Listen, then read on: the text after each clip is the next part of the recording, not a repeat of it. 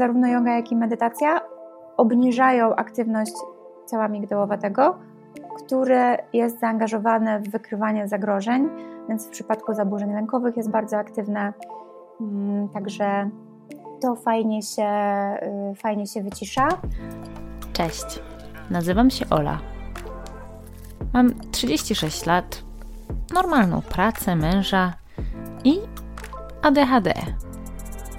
I jeśli to, co przed chwilą powiedziałam, wzbudziło Twoją ciekawość, to mam nadzieję, że zostaniesz tu ze mną na chwilę, bo właśnie do takich osób jak Ty chciałabym dotrzeć. Szacuje się, że jakieś 15-20% ludzi na świecie to osoby nieneurotypowe.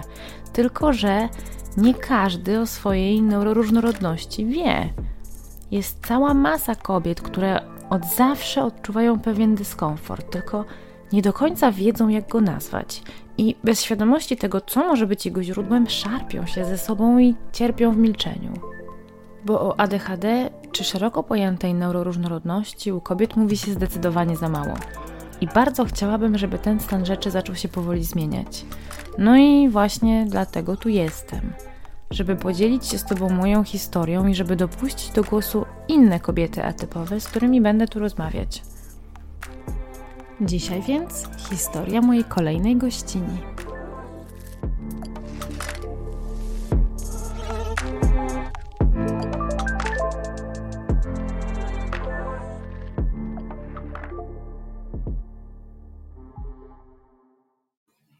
Cześć!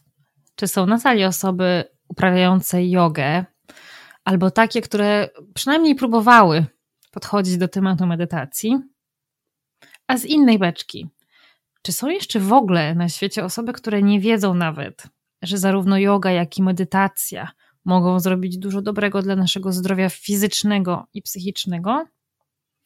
Bo jeśli są, to w sumie dobrze się składa, bo dzisiaj będzie właśnie o tym. Jeżeli natomiast tak się składa, że jesteście w grupie wiedzącej, ale nie praktykującej, to w zasadzie też fajnie, bo może moja rozmówczyni przekona Was do tego, że warto spróbować wejść na matę, albo że warto dać szansę medytacji, która, jak się okazuje, wcale nie jest taka straszna, jak nam się może wydawać. Agata Ucińska jest psycholożką, nauczycielką jogi i pedagogzką. Od zawsze interesowała ją praca z drugim człowiekiem. Bliska jest jej tematyka neuroróżnorodności, zarówno od strony eksperckiej, jak tej doświadczającej. Bo Agata z jednej strony sama jest osobą neurotypową, najpierw dostała diagnozę autyzmu, później ADHD. Z drugiej strony natomiast, jako psycholożka, wspiera osoby neurotypowe podczas spotkań psychoedukacyjnych i treningów umiejętności w gabinecie psychotera cognita. Chyba nie będzie błędem stwierdzenie, że yoga to ogromna pasja Agaty. Myślę, że całkiem dobrze w tej rozmowie wybrzmiewa to, jak uwielbia ona śledzić nowinki naukowe na temat praktyki jogi, medytacji i dbania o zdrowie psychiczne oraz tego, jak te sfery się ze sobą łączą. Dla osób zainteresowanych dodam, że Agata prowadzi regularne zajęcia jogi i warsztaty wyjazdowe, ale też kursy nauczycielskie. Więcej informacji na ten temat znajdziecie na stronie poczusielepiej.pl. Agata w tej rozmowie opowiada więc oczywiście, jakie konkretne korzyści mogą płynąć z regularnej praktyki. Mówi o tym, co mówi nauka, o tym, co jeszcze nie zostało zbadane, a co zbadać jest w ogóle trudno, ale za to, czego łatwo można doświadczyć na własnej skórze. Agata ma też bardzo ciekawe doświadczenie związane z samą diagnozą spektrum autyzmu. Ale nie będę Wam tu od razu zdradzać szczegółów i pozwolę mojej rozmówczyni o tym opowiedzieć. Poza tym chciałabym podziękować wszystkim osobom, które zdecydowały się do tej pory wesprzeć mnie i postawić mi wirtualną kawę. To dzięki Wam mogę dbać o to, żeby to, co robię, było robione na wyższym poziomie. A jeśli chciałybyście, chcielibyście mnie wesprzeć, to możecie to zrobić klikając w link, który widnieje na dole opisu tego odcinka albo w opisie profilu na moich socialach. No i już bez przedłużania, zapraszam Was do wysłuchania tej rozmowy. Cześć Agata. Cześć Ola. Udało się wreszcie po tylu miesiącach. Tak, po y, wielu wyzwaniach udało się spotkać Tak dla osób, które nas słuchają, dodam tylko, że od momentu, kiedy wysłałam do Agaty wiadomość, do momentu, w którym to nagrywamy, minęło no parę ładnych miesięcy, nie? Tak jest. Ale to nasze ADHD. E, słuchaj, Agata, e, mamy na dzisiaj zaplanowanych kilka bardzo ciekawych wątków. I ja naprawdę bym chciała, żebyśmy chociaż spróbowały większość z nich poruszyć. No ale musimy, po prostu musimy zacząć od Twojej osobistej drogi do diagnozy. Mhm. Więc opowiedz nam, jak to z Tobą było, z Tobą i z tą diagnozą? To jest e, bardzo ciekawa historia, ponieważ moją pierwszą diagnozą neuroróżnorodności była tak naprawdę diagnoza, wtedy to był zespół Aspergera. E, to było dobre 5 lat temu, może nawet chwilę dłużej, więc jeszcze przed, e, przed tym, kiedy mm, wreszcie zaczęto diagnozować e, ludzi, którzy nie dostali diagnozy w dzieciństwie, a propos tego, o czym rozmawiałyśmy jeszcze chwilkę przed włączeniem nagrywania. I ja zgłosiłam się po prostu do lekarza z nawracającymi epizodami depresyjno-lękowymi. Taki był początek. E, I właśnie w trakcie takiej wizyty związanej z tym epizodem, e, lekarz zasugerował, że może zróbmy diagnostykę w kierunku zespołu Aspergera, tym bardziej, że to była diagnoza już obecna w mojej rodzinie, więc tutaj też to był jakiś taki trop warty zweryfikowania. I to, co jest najciekawsze, to jest to, że mnie e, trochę wtedy to zaskoczyło, ponieważ ja nie miałam dużo objawów związanych z umiejętnościami społecznymi. Mhm. E, to nie było takie oczywiste u mnie. Natomiast okazało się, że diagnostycznie dużo ważniejsze jest dzieciństwo i to, w jaki sposób ja się tych umiejętności społecznych nauczyłam, czyli jaki był ten mój obraz w dzieciństwie, co się dzieje w mojej rodzinie też, czyli jeżeli są inne diagnozy, no to tutaj można sądzić, że właśnie albo jest spektrum, albo też szeroki fenotyp. O tym się teraz coraz więcej mówi, że w rodzinach, gdzie jest albo spektrum autyzmu, albo ADHD, część osób ma taki obraz subkliniczny, czyli trochę tych objawów jest, e, ale teoretycznie nie pozwalają one na postawienie pełnej diagnozy i na przykład te objawy się nasilają w jakimś kryzysie. Mhm. E, więc e, tak to wygląda. E, no i, i faktycznie to, w jaki sposób ja się zachowywałam jako dziecko i w jaki sposób się uczyłam tych umiejętności społecznych po taką wczesną dorosłość, a teraz, no to to jest absolutna przepaść. I, I tak wydaje mi się, że te pięć lat temu te umiejętności społeczne miałam na jeszcze niższym poziomie niż teraz, więc wtedy ta diagnoza właśnie mogła się odbyć. E, natomiast miałam sporo tych objawów, e, bo mamy taką triadę autystyczną i jedną z, z, jednym z obszarów, gdzie, gdzie jeszcze pojawiają się te cechy autystyczne, to jest jakieś takie właśnie zamiłowanie do powtarzalności, mhm. E, pewne takie systematyczne myślenie, taka skłonność do systematyzowania informacji, a także ta obecność special interest, czyli po polsku różnie na to mówimy, specyficzne zainteresowania, wyjątkowe zainteresowania, to było faktycznie e, u mnie obecne.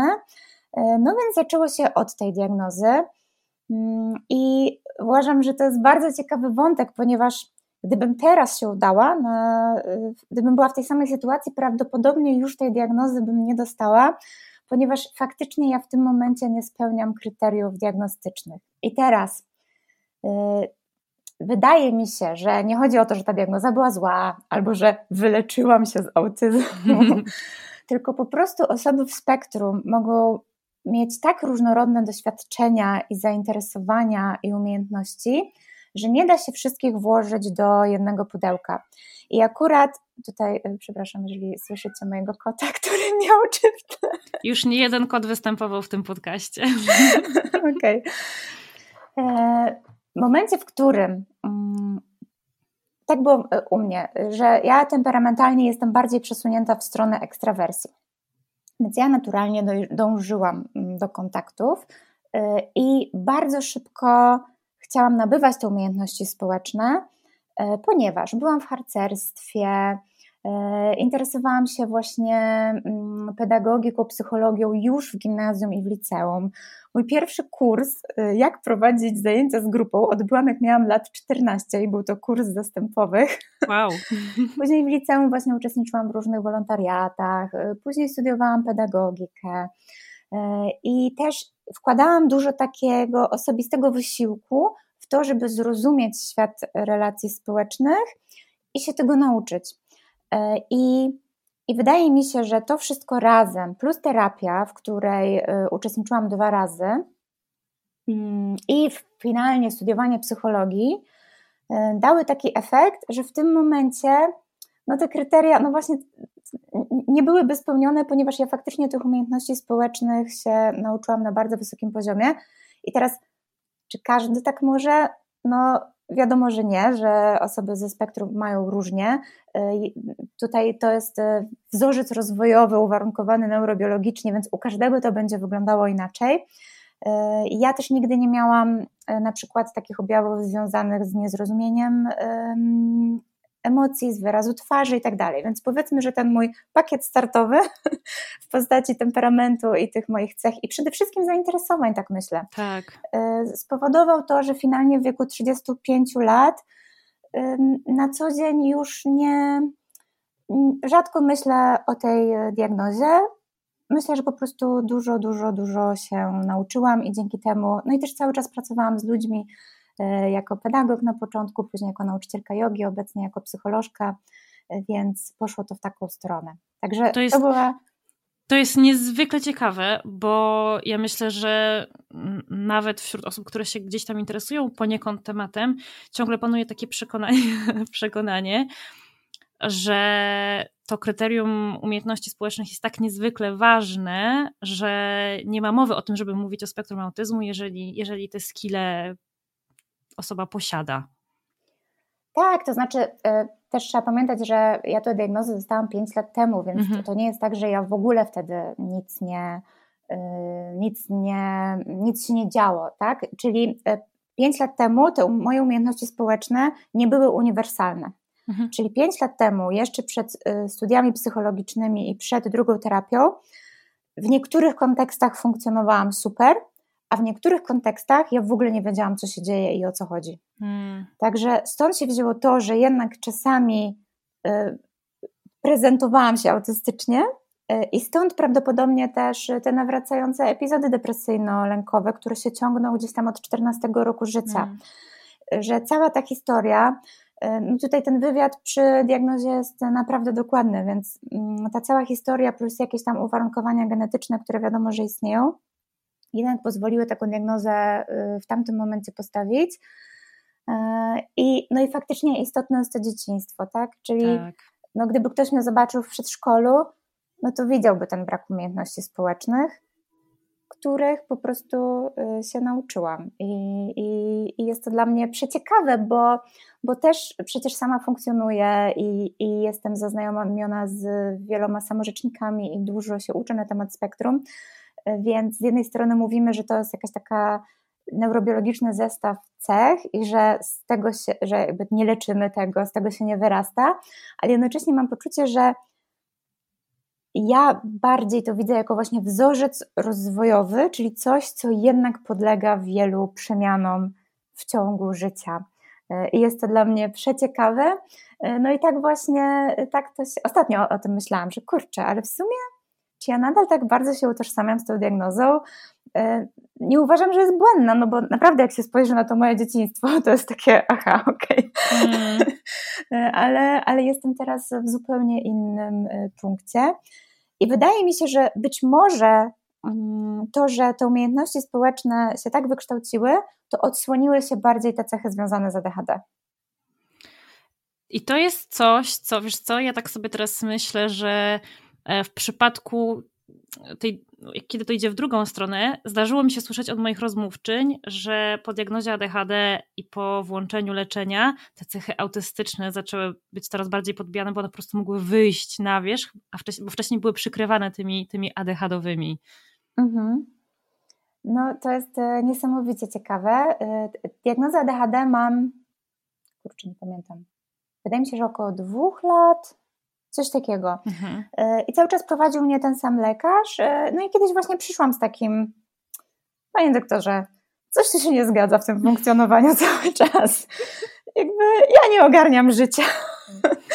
I to jest tak, że e, on zawsze się śmieje, bo ja powiedziałam, że odkąd dostałam diagnozę DHD, to miałam takie wielkie poczucie ulgi, bo ja naprawdę przez całe życie miałam takie poczucie, że ja mam jakieś zaburzenie, którego jeszcze nikt nie zna, bo są obszary, w których funkcjonuję genialnie, świetnie, więc nikt mi nie wierzy, że ja mam jakieś problemy, a są dni, kiedy po prostu no, to życie jest tak chaotyczne i tak nieogarnialne, że to jest e, aż trudno w to uwierzyć.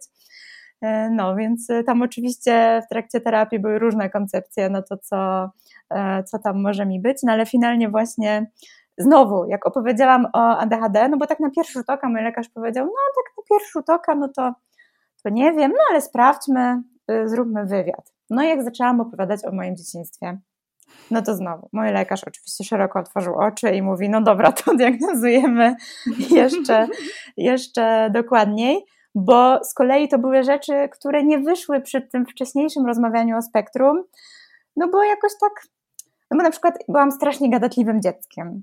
Więc y, byłam przesadzana po prostu, chyba już z każdym siedziałam w ławce. Miałam obniżone oceny z zachowania, z przedmiotów nawet takich y, typu francuski, bo no, no, no nie potrafiłam, no, zwłaszcza tak do, myślę, do końca gimnazjum, no to po prostu to rozwalanie lekcji to była moja domena, przy jednocześnie całkiem dobrych wynikach w nauce.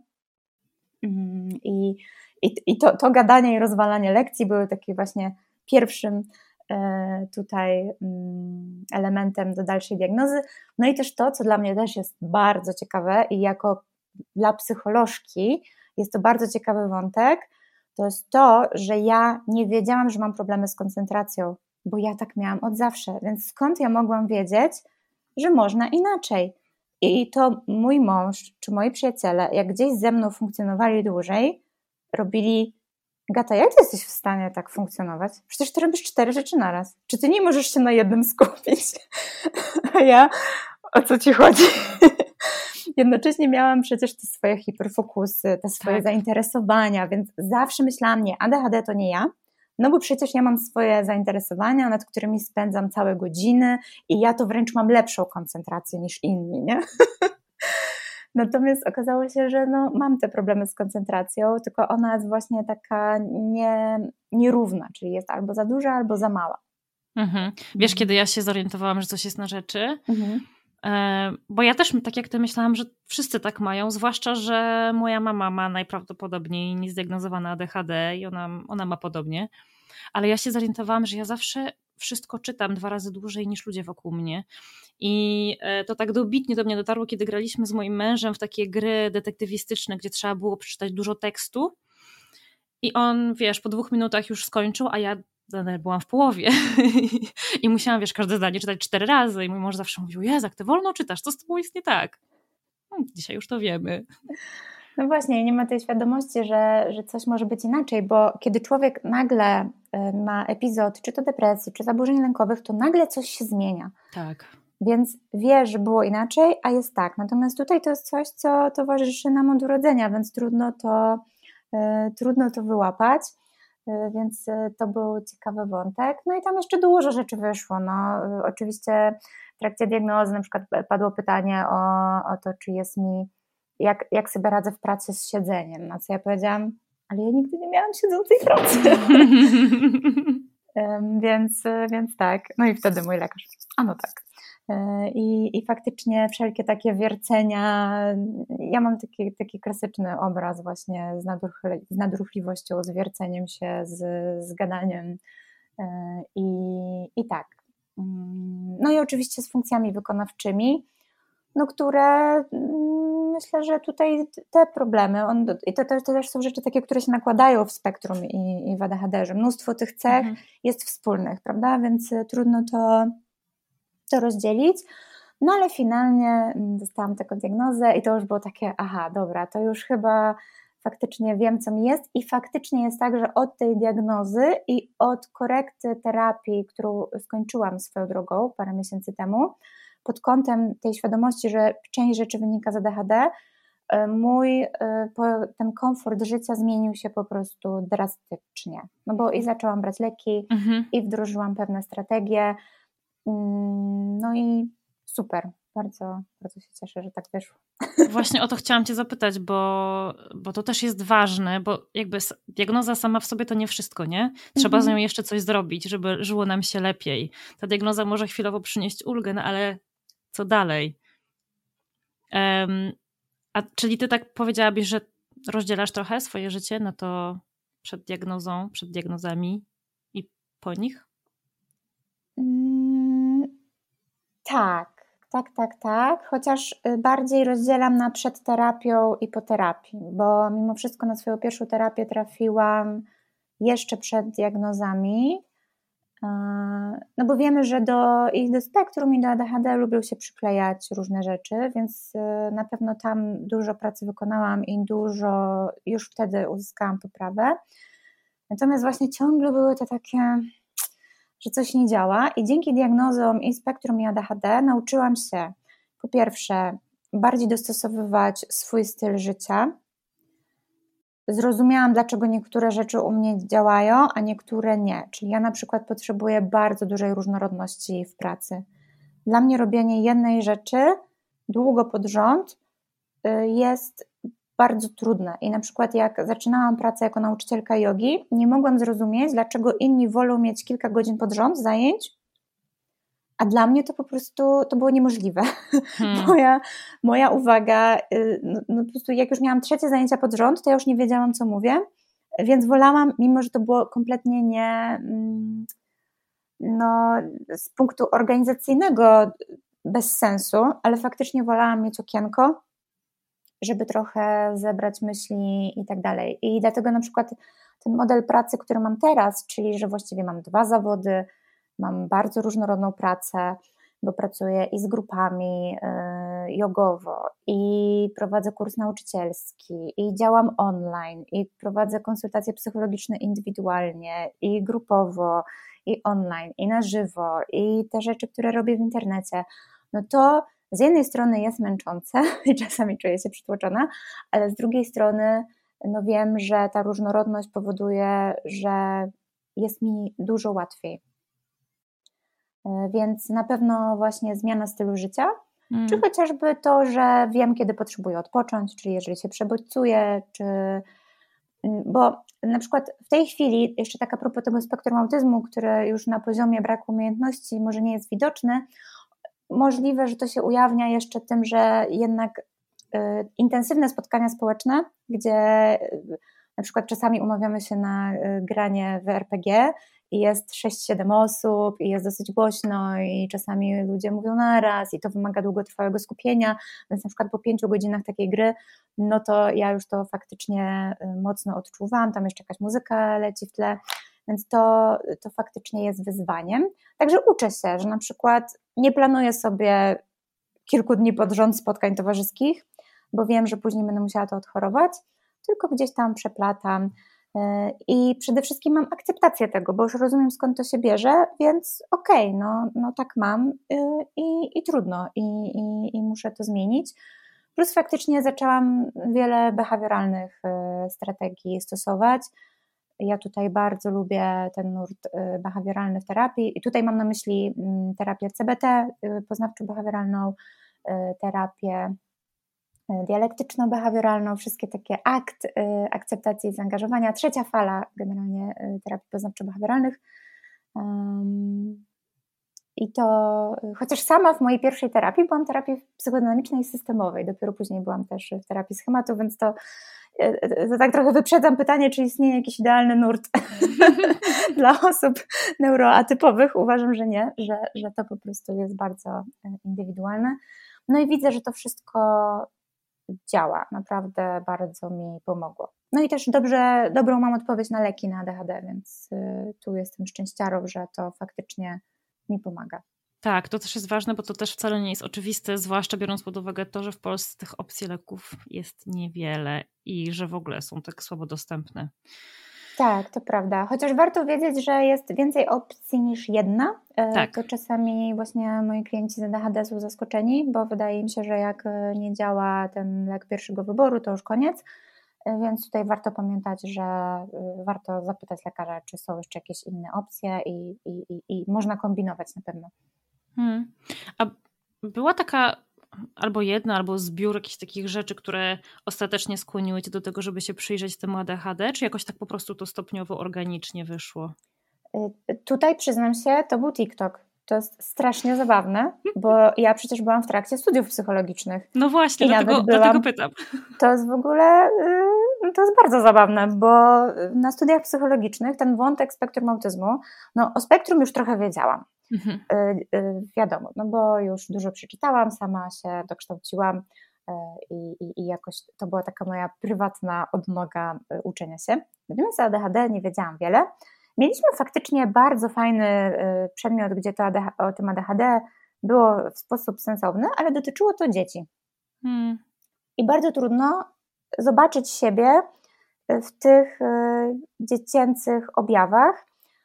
No a a jakoś tak, y, mimo że oczywiście tutaj też o tym powiem, y, to nie jest tak, że TikTok czy Instagram jest jakimś super źródłem informacji na temat, y, na temat jakichkolwiek zaburzeń. Trzeba zawsze krytycznie podejść do tego, co tam się pojawia, bo, bo w tych właśnie TikTokach część rzeczy faktycznie dobrze obrazuje ADHD, a część osób, a część rzeczy jest totalnie w ogóle nie wiadomo skąd wzięte, tak? Jako tak. cecha ADHD. E, no ale faktycznie e, zaczęły mi się wyświetlać te filmy i miałam takie, kurde, ten hiperfokus, te funkcje wykonawcze, jakoś tak zobaczyłam po prostu na realnych przykładach, jak to może wyglądać. Mhm. Mm, I wydaje mi się, że e, mój siostrzeniec wtedy też dostał diagnozę ADHD, a on jest bardzo do mnie podobny. E, i mam 10 lat starszą siostrę, więc ona po prostu doskonale mnie pamięta jako dziecko. Mhm. E, więc e, tutaj, tutaj też to było wskazówką znowu, czyli to, że w rodzinie jest diagnoza i po prostu postanowiłam wnieść ten temat na wizytę i stąd to się wzięło. I wydaje mi się też, że chociaż nie, magisterka była później, bo y, ja niedawno robiłam te drugie studia psychologiczne i, no i faktycznie magisterka znowu spowodowała wybuch. No tak, no tak. Wiesz co, bo to jest ciekawe, e, bo jesteś chyba już drugą, jeśli nie trzecią psycholożką, z którą rozmawiam, która mówi mi o tym, że no faktycznie na studiach mówili, mówiliśmy, uczyliśmy się o ADHD, ale że ten temat się pojawia właśnie w kontekście dzieci. To czego oni was na tej psychologii uczą do jasnej cholery? No tutaj jest z tym problem. Jest szansa, że teraz już to um, zaczyna się zmieniać, bo hmm. ja studiowałam na SWPS-ie i obserwując ich podcast, widzę, że już ten temat się pojawia tam. Tak. Natomiast no byłam nawet tam na jakimś spotkaniu, widziałam, że jest jakiś taki ruch z ramienia uczelni, że oni chcą bardziej się zająć tą neuroróżnorodnością. Natomiast no jak ja studiowałam, to to to była bardzo, mimo że moją specjalnością była mm, specjalność kliniczna i zdrowia, którą w ogóle tak swoją drogą uważam, że była świetna, bo mieliśmy naprawdę wszystkie inne zaburzenia porozbijane, na przykład mieliśmy, nie wiem, oddzielny cały przedmiot o, jakby poza taką ogólną psychopatologią, oddzielny przedmiot o zaburzeniach afektywnych, oddzielny o zaburzeniach osobowości. A tutaj e, gdzieś te neurorozwojowe się pojawiły, ale tak właśnie e, hmm. wszystko razem, bardziej w kontekście dzieci. Spektrum autyzmu w ogóle było bardzo kiepsko przedstawione, moim zdaniem. Także czekamy na zmiany. Ale e, mam poczucie, że odkąd dostałam tą pierwszą diagnozę 5 lat temu, do teraz to jest przepaść, jeżeli mhm. chodzi o, o świadomość specjalistów. Prawie nie było specjalistów wtedy więc y, myślę, że to się zmieni. Hmm. Tak, ja, mam, ja w ogóle mam takie poczucie, że my jesteśmy właśnie w tym momencie, kiedy to się tak bardzo szybko zmienia. Coraz więcej pojawia się informacji, nawet samo to, że wiesz, że media zaczynają się nami interesować, no to to już coś jest na rzeczy. Jeżeli idziemy do śniadaniówek, to znaczy, że coś coś się dzieje. Tak, tak. No i y, to może dawać taki efekt, takie wrażenie, że tych diagnoz jest za dużo, ale po prostu to są diagnozy tych wszystkich osób, które nie dostały diagnoz w latach 90. Mm. i trochę później, i trochę wcześniej. Y, więc wydaje mi się, że będzie taki moment, kiedy te diagnozy będą po prostu uzupełnione. No i i mam nadzieję, że jakoś ta sytuacja się wyrówna. Y, I tu warto właśnie zawsze brać pod uwagę kontekst, prawda? Bo na przykład y, mamy takie dane, które pokazują, że w Stanach Zjednoczonych tych diagnoz wśród dzieci jest bardzo, bardzo dużo i tam faktycznie już jest dyskusja, czy przypadkiem nie, nie naddiagnozujemy. Ale nie możemy danych y, na temat dzieci w Stanach przekładać na, nie wiem, dorosłe kobiety w Polsce, tak? Dokładnie, dokładnie. Często też jest tak, że te osoby neuroróżnorodne są obecne w internecie i mówią o swoich diagnozach. I to też powoduje taką reakcję: o, każdy ma teraz autyzm, każdy ma teraz ADHD. Natomiast po prostu y, to jest korelacja, czyli może być totalnie w drugą stronę. Czyli, że po prostu kto zajmuje się działalnością w mediach społecznościowych, w internecie, na YouTubie, być może właśnie osoby neuroróżnorodne, ponieważ mogą eksplorować swoje pasje, poświęcać im bardzo dużo czasu, uwagi, mogą na swoich zasadach funkcjonować. Nie wymaga to bezpośredniego kontaktu z ludźmi, więc z mojej perspektywy jest to, będzie to bardzo popularne zajęcie dla osób y, neuroatypowych i stąd może być to wrażenie, że teraz wszyscy mają ADHD, wszyscy mają autyzm. Tak, fajnie, że o tym mówisz, bo moim zdaniem to jest bardzo ważna kwestia. E, fajnie, gdyby posłuchały tego osoby, które nie są neuroróżnorodne, żeby zdały sobie właśnie sprawę z tego, w którą stronę to idzie, nie? Mm -hmm, No i tutaj, e, no ja, e, ja zawsze, każdy temat mam taką tendencję, że zawsze staram się spojrzeć na każdy, mm, każdy aspekt pewnego problemu, no bo to idzie trochę w dwie strony, czyli z jednej strony mamy to niedodiagnozowanie i fajnie jakby świadomość wzrosła, z drugiej strony widzę jednak pewne ryzyko, może, no może ryzyko tego, że ludzie i twórcy potrafią czasami bardzo się utożsamić z tymi, z tymi diagnozami. Bardzo naprawdę y, tworzyć mnóstwo kontentu na ten temat y, i, i to, to, wtedy to możemy powiedzieć, że pojawia się taki efekt horoskopowy, tak? Czyli e, no jestem tam spod znaku koziorożca i wszystko w moim życiu nagle zaczyna to potwierdzać, bo tak działa nasza uwaga, że zaczynamy widzieć pewne rzeczy, dlatego świeżo po diagnozie mówi się jakiekolwiek, że pewne rzeczy się nasilają, bo po prostu zaczynamy bardziej zwracać na nie uwagę tak. I taki widzę le, leciutkie zagrożenie, właśnie jeżeli chodzi o samorzeczników czy osoby, które głośno mówią, że czasami mogą widzieć, y, mieć nasilone pewne cechy objawy, widzieć je częściej, y, a nawet, to już w takich skrajnych przypadkach, że y, może dojść do takiego błędnego koła, czyli tak bardzo utożsamiam się ze swoją diagnozą, cały mój profil jest na tym oparty, więc tak naprawdę, czemu mam szukać rozwiązań i czemu mam niwelować te objawy? Skończy mi się content. I oczywiście ja nie mówię, że to jest świadome, że to jakby jest jakieś celowe. Raczej mi chodzi o to, żeby gdzieś tam z tyłu głowy mieć takie. Mm, pamiętać o tym po prostu, że nasz mózg tak działa i że. Yy, no, że przynajmniej tak, takie jest moje zdanie, no, że te, ta diagnoza to nie jest wszystko, to nie, mhm. jest, yy, to nie jest cała nasza postać, to nie jest cała nasza, nasze jestestwo, że oczywiście spektrum autyzmu czy ADHD bardzo wpływa. Trudno to w ogóle rozdzielić od cech osobowościowych i wszelkich innych i, i jak najbardziej trzeba się dobrze poznać, trzeba dobrze poznać te objawy, zaakceptować, dostosować styl życia, ale właśnie uważałabym na wrzucanie absolutnie wszystkiego do worka spektrum autyzmu albo ADHD, tym bardziej, że później osoby neurotypowe mogły tak sobie wyciągać to dowolnie, nie? że o, lubisz kolor zielony? Ja też, może mam ADHD. To oczywiście jest przesadzony taki przykład abstrakcyjny, ale, ale trochę takie mechanizmy mogą y, zadziałać i wtedy trochę wylewamy dziecko z kąpielą. Mhm. Tak, tak. I też się cieszę, że o tym wspominasz. Trochę o tym już e, mówiła u mnie i Hania Sewula, i Marta Cieśla z punktu widzenia właśnie eksperckiego. Marta mówiła tutaj taką ciekawą rzecz, że to często tak jest, że na początku, w tej pierwszej fazie po diagnozie, my tak się bardzo na tym skupiamy i właśnie wtedy często powstają podcasty, konto samorzecznicze, a potem ten entuzjazm trochę opada, zaczynamy trochę jakby wracać do, do, do tego punktu, w którym byliśmy wcześniej. I tak się ta, ta, ta diagnoza nie jest już takim naszym trzonem, tylko jest gdzieś tam częścią, tak jak mówisz, nierozerwalną i rzeczywiście tak. to jest tak. trudno czasem rozróżnić, nie? Co jest, gdzie się kończy moje ADHD, gdzie zaczynam ja, moja osobowość. Mm, ja myślę, że to wszystko jest dosyć umowne też i że nie wiem, czy faktycznie musimy to rozdzielać chirurgicznie. Dokładnie, dokładnie. To trochę tak jak w naszym ciele, no mm, mięśnie i powięź e, nie, nie wyglądają tak jak w atlasach, to jest jakieś tam właśnie skalpelem ktoś to jakoś sklasyfikował, bo musiał, ale prawda jest taka, że w ciele wszystko jest całością e, i tak samo trochę jest z naszą psychiką. Natomiast myślę, że to też jest ważny etap, że nie wyrzucałabym do kosza tego i, i, jeżeli ta diagnoza się pojawia, to potem jest właśnie taki moment zachłyśnięcia, który jest bardzo ważny, który pomaga i i terapii jakoś ten, ten problem dostrzec i, i pomaga znaleźć e, strategię dla siebie, pomaga znaleźć być może inne osoby, które też są w spektrum czy mają ADHD.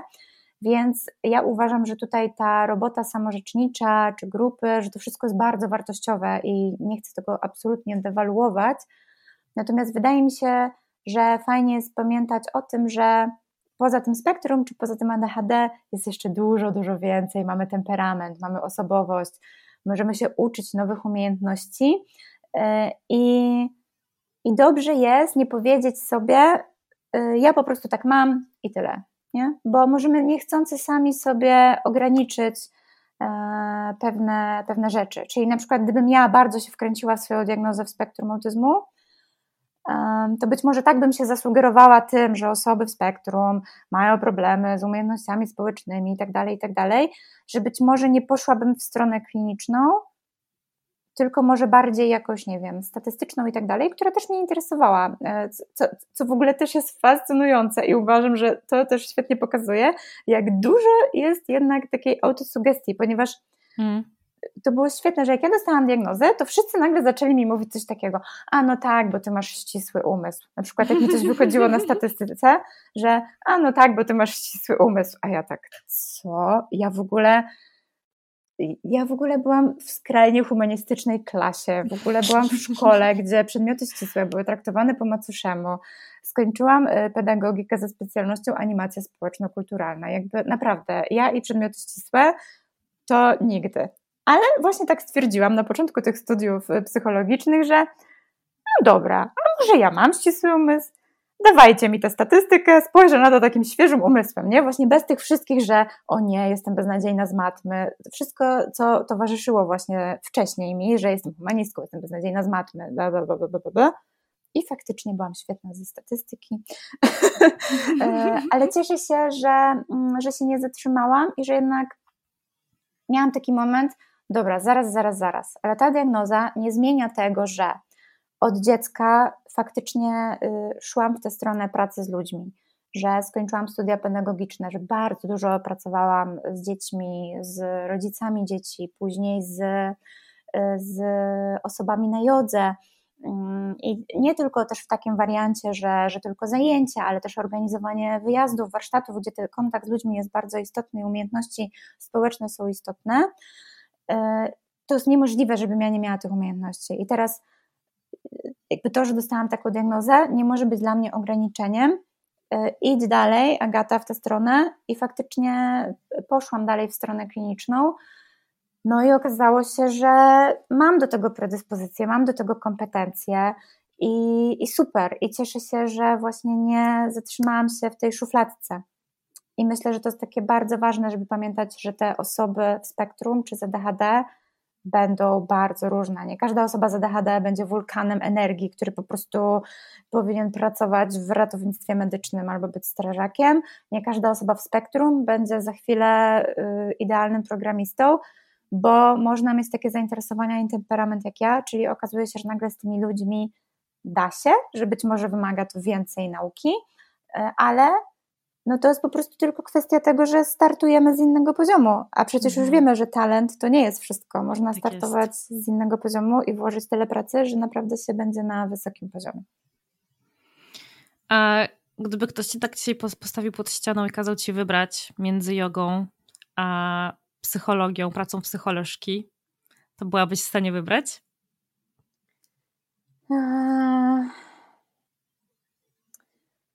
Nie wiem. Dla mnie to jest bardzo połączone, szczerze mm -hmm. mówiąc.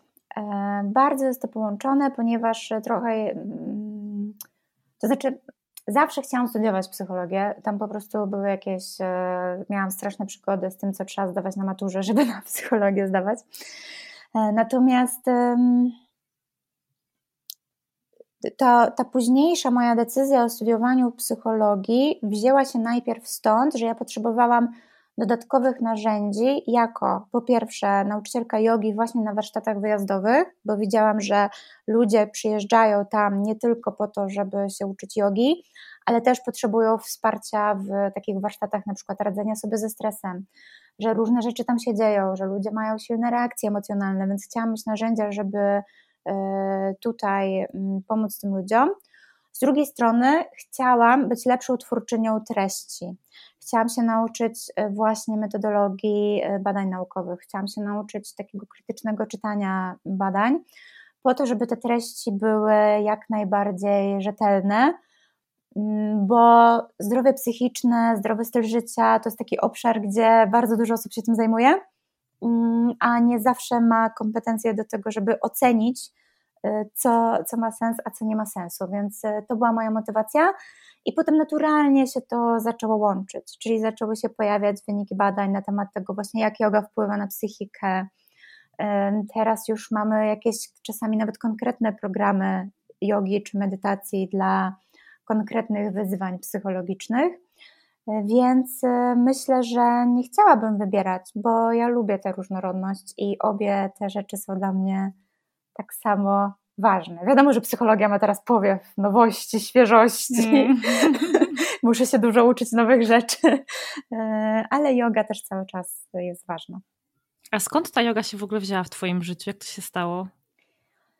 E, skąd się wzięła yoga? Mm, yoga się wzięła stąd, że jako bardzo młoda dziewczyna, dziewiętnastolatka, troszeczkę się zajmowałam tańcem, natomiast bardzo szybko zrobiłam sobie kontuzję więc y, szybciej skończyłam moją karierę taneczną niż ona się zaczęła tak naprawdę. Y, I szukałam sobie jakiegoś takiego rodzaju ruchu, który troszkę będzie gdzieś w klimacie tańca, mm, ale jednocześnie nie będzie tak nadużywał stawów skokowych y, jak taniec. I znalazłam sobie na YouTubie, ja po prostu wszystko z tych mediów społecznościowych, no, ADHD z TikToka, yoga z YouTube'a, no jestem dzieckiem y, czasów współczesnych. E, Milenial, milenialką po prostu jesteś, no, co tu dużo mówić. Tak. I dzięki YouTube'owi, y, i to naprawdę było wiele lat temu, to były jeszcze takie pierwsze filmy na YouTubie, bo to było ponad 10 lat temu. 10 no, lat temu to ja robiłam kurs nauczycielski, więc kiedy ja mogłam odkryć te 12 lat temu. Jakieś szaleństwo. E, I odkryłam jogę winiasę, czyli jogę dynamiczną, bo moje wcześniejsze kontakty z jogą to były najczęściej yoga Ayengara, e, w tamtych czasach najbardziej popularna w Polsce. Natomiast tam jest dużo takiego trwania w pozycjach bardzo długiego, statycznego. E, I ja bardzo się w tym źle czułam. Ja jakoś tak intuicyjnie mówiłam, że mój układ nerwowy źle na to reaguje. Oczywiście mhm. z moją obecną wiedzą, że mam ADHD, wydaje mi się to całkiem sensowne, że tak mówiłam. E, ale to odkrycie jogi dynamicznej, czyli winiasy i asztangi, no było wspaniałe. To mnie całkowicie pochłonęło. Na początku praktykowałam z YouTube'em, później zapisałam się do szkoły, regularnie praktykowałam w szkole. E, a jednocześnie mm, miałam taki moment w życiu, kiedy musiałam zdecydować, co dalej, ponieważ pracowałam jako pedagogzka ale najpierw jedna firma, w której pracowałam, zamknęła się trochę z miesiąca na miesiąc. I trochę musiałam się zastanowić, czy ja na pewno chcę pracować z dziećmi, bo jednak wiedziałam, że to jest bardzo przebodźcowujące. A już wtedy miałam jakieś takie poszukiwania typu kurs choreoterapii, więc wiedziałam, że ruch i pedagogika, uczenie to są rzeczy, którymi ja bym się chciała zajmować w przyszłości. Więc ponieważ już byłam wkręcona w jogę, to, yy, to po prostu stwierdziłam, dobra, stawiam wszystko na jedną kartę, jadę z moim mężem do Indii na kurs jogi i idę w to. Nie mam pojęcia, co się wydarzy, bo y, teraz może się to wydawać dziwne, ale 10 lat temu yoga nie była tak popularna jak teraz. No to było zajęcie dla dziwaków, więc y, wszyscy troszeczkę się dziwili. No ale miałam takie poczucie, tak, to jest to, idę w to. No i tak, tak, tak to się wydarzyło. A jak pojechałam do Indii, no to już miałam szczęście trafić na niesamowitych nauczycieli, którzy łączyli taką mądrość wschodu z jednak y, rozsądkiem zachodu. Mhm. E, I to był bardzo fajny miks. E, I też zrozumiałam, że yoga jest bardzo wielowymiarowa, że tam jest właśnie i miejsce na ruch, na medytację, na filozofię, ale nie w rozumieniu takiej ezoteryki new age'owej, e, tylko tylko właśnie filozofii, y, jak żyć, żeby na przykład realizować swoje wartości, jak żyć, żeby mm, umysł y, pozostał w, w równowadze. Mm, no i to, to było bardzo transformujące doświadczenie. Ja właśnie mam trochę, powiem Ci, problem z tym, że ten New Age tak sobie wziął tę jogę i zawłaszczył i sprzedaje taki obraz trochę moim zdaniem zakłamanym, zakłamany tego, czym yoga jest. Jak to, jak to jest z Twojego punktu widzenia? Czym yoga jest, a czym nie jest, a co ludziom się wydaje, że jest? Mm-hmm. Trochę tak. Tutaj jeszcze, jeżeli chodzi o New Age, miałabym w sobie też dużo wyrozumiałości, bo też wydaje mi się, że warto spojrzeć na kontekst, w którym jesteśmy, czyli na to, że Kościół w Polsce przeżywa kryzys, na to, że jesteśmy po pandemii, że, że wybuchła wojna u naszych sąsiadów i trochę z tymi potrzebami duchowymi nie ma gdzie ich realizować. I mhm. wydaje mi się, że New Age i różne tutaj takie jogowo-pokrewne rzeczy trochę zapełniają tę lukę. Natomiast faktycznie jest tam sporo zagrożeń i trochę dołączanie tam tej jogi e, albo dołączanie różnych rzeczy do jogi, które oryginalnie nie są jogą. E, I to jest w ogóle dla mnie fascynujące, bo jak ja zaczynałam praktykę jogi, no to nie można było praktykować jogi, bo przecież yoga to szatan, kościół, zabrania i tak dalej, nie? Teraz z kolei się przychodzi na jogę, a tam w ogóle wszystko e, te kadzidełka, jakieś tam, e, no dużo tych takich ezoterycznych elementów, mm -hmm. więc z takiej perspektywy antropologicznej wspaniale się to obserwuje z boku. Natomiast czym yoga jest? Myślę, że Tutaj też może być e, różnymi e, rzeczami dla różnych osób e, i ja to bardzo szanuję. Tak, oryginalnie jest systemem filozoficznym, który ma doprowadzić nas do pewnej równowagi. I oryginalnie, oczywiście, w filozofii jogi mamy tam to pojęcie oświecenia, no i tam oczywiście wchodzi cała ta ich, e, cała ta koncepcja właśnie e, karmy, oświecenia i tak dalej. E, natomiast mm, i moim zdaniem to jest taka rzecz, którą można sobie wziąć, można kompletnie jej nie brać. W sensie to nie jest tak, że trzeba bardzo duchowo w to wszystko wchodzić, żeby praktykować jogę. Na przykład ja, jako fanka nauki, ja najbardziej fascynuję się, mimo że mam duży szacunek do tradycji, do duchowości i tak dalej, no bo jednak umówmy się, jeżeli coś ma tyle lat to, to i, i, gdzieś pochodzi skądś, z pewnej kultury, uważam, że nie można tego wyrzucić do kosza i sobie wziąć tylko to, to, to co pasuje. Więc mam do tego szacunek, uważam, że warto się dowiedzieć, y, czym co było oryginalnie, filozoficznie. Natomiast fascynuje mnie właśnie to, co współczesna neurobiologia, psychologia, fizjologia, co, co my wiemy na temat jogi. No i w tym systemie mamy po prostu pracę zarówno z ciałem w postaci asan, y, w postaci oddechu. Y, mamy y, jamy i nijamy, czyli coś, co mm, niekoniecznie sensownie się tłumaczy jako zasady etyczne, bo to nam się od razu kojarzy z jakimś dekalogiem, że to jest właśnie jakaś religia, są jakieś zasady. Natomiast oryginalnie jamy i nijamy to są praktyki czy zachowania, czy umysłowe skierowane na siebie albo na innych, które mają y, zagwarantować spokój umysłu. Czyli, czyli założenie jest takie, że jeżeli coś komuś okradniesz, to raczej nie jest to droga do równowagi umysłowej. I, i, i, I tak to wygląda. Bardzo też to, to jest ciekawy wątek, bardzo fajne y, tam są rzeczy. Y, czyli mamy y, pracę właśnie z tą filozoficzną przez ciało, ale też przez umysł, czyli medytację, uważność i, i, i taką świadomą pracę z umysłem. I to wszystko razem wzięte jest po prostu drogą rozwoju, z której moim zdaniem możemy zaczerpnąć to, co na danym etapie będzie dla, dla nas najważniejsze. Czyli może być to praktyka fizyczna, i teraz znowu ta praktyka fizyczna to nie musi być coś e, niesamowitego, bo znowu Instagram spowodował, że yoga nam się kojarzy tak bardzo akrobatycznie, prawda? Tak. Że ojeju, te mostki, te szpagaty, że ja nie mogę iść na jogę, bo nie jestem rozciągnięta. Dokładnie. No i ja tutaj lubię powtarzać, że to jest tak jakby ktoś się chciał nauczyć e, hiszpańskiego i powiedział, nie no ja nie mogę się zapisać na hiszpańskim, bo nie znam hiszpańskiego. E, tym bardziej, że teraz już wiemy coraz więcej o tym, że rozciąganie to jest tylko jeden element zdrowego ruchu. Tam musi być e, wszystko, stabilizacja, tam musi być dużo różnych rzeczy. Więc ta taka nowoczesna praktyka jogi też troszeczkę się różni od tradycyjnej, od tradycyjnej. Trochę inaczej podchodzimy do asan, więc znajdując dobrego nauczyciela, e, naprawdę możemy, mając, wcale nie mając super sprawności fizycznej, bardzo dużo dla siebie z tej praktyki zabrać.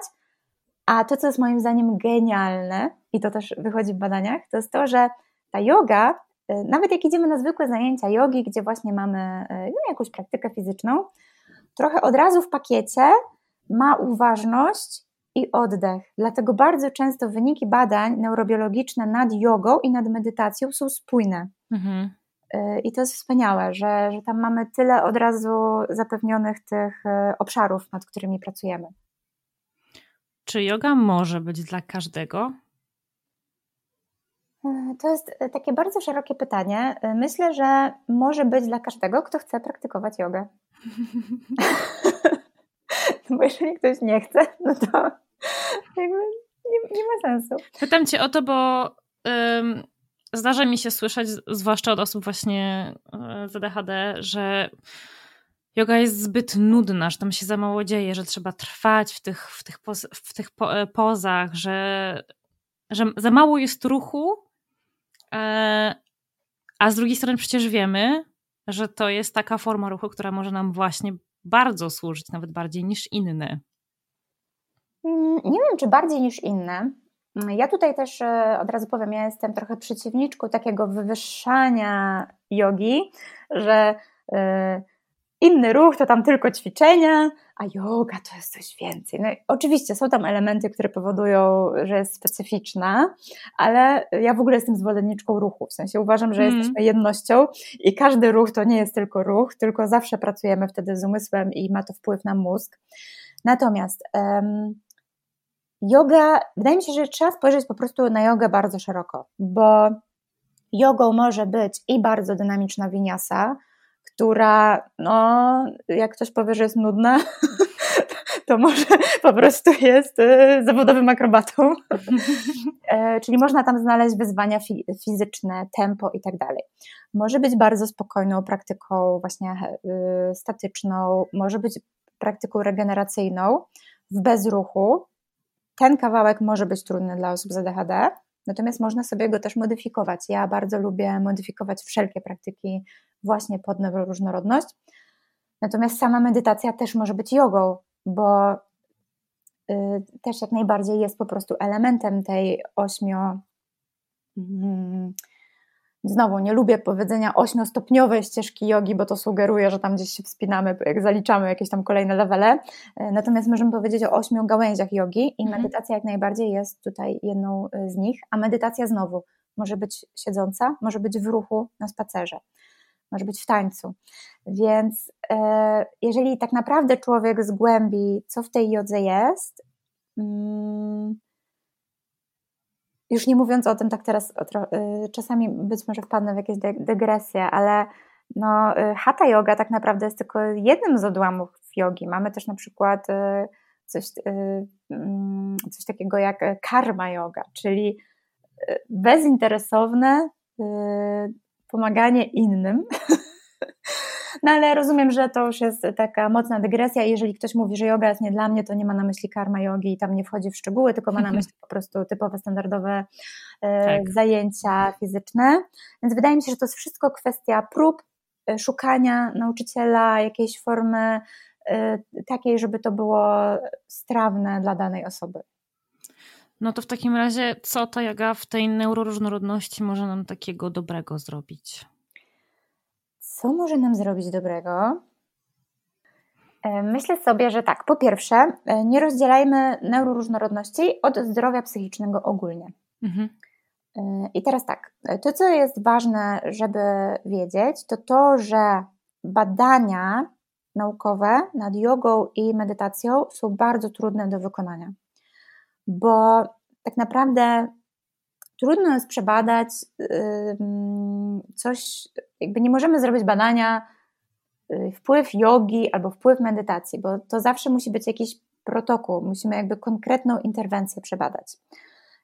W medytacji powiedzmy, że odkąd pojawił się mindfulness, który jest konkretnym protokołem, pojawiło się więcej badań, badań, bo po prostu badamy konkretną interwencję, żeby później to ze sobą w jakiś sposób y, porównać. Dlatego bardzo często te wyniki badań nad jogą czy medytacją wychodzą niejednoznaczne, czyli w wielu badaniach coś wychodzi, w niektórych nie wychodzi, potem w tych metaanalizach czy w, w przeglądach badań też zawsze jest taki wniosek, że jest różnie, więc y, pewne rzeczy wiemy z tych badań i to jest super i właśnie zaraz o nich powiem.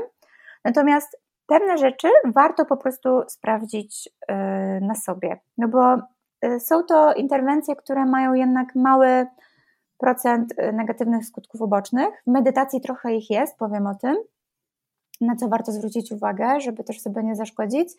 Natomiast dalej to jest kwestia, czy coś nam pasuje, czy nie. No i to już wiemy, że i yoga, i medytacja faktycznie mogą nam pomagać w, w stanach depresyjno-lękowych, w, y, też jako profilaktyka.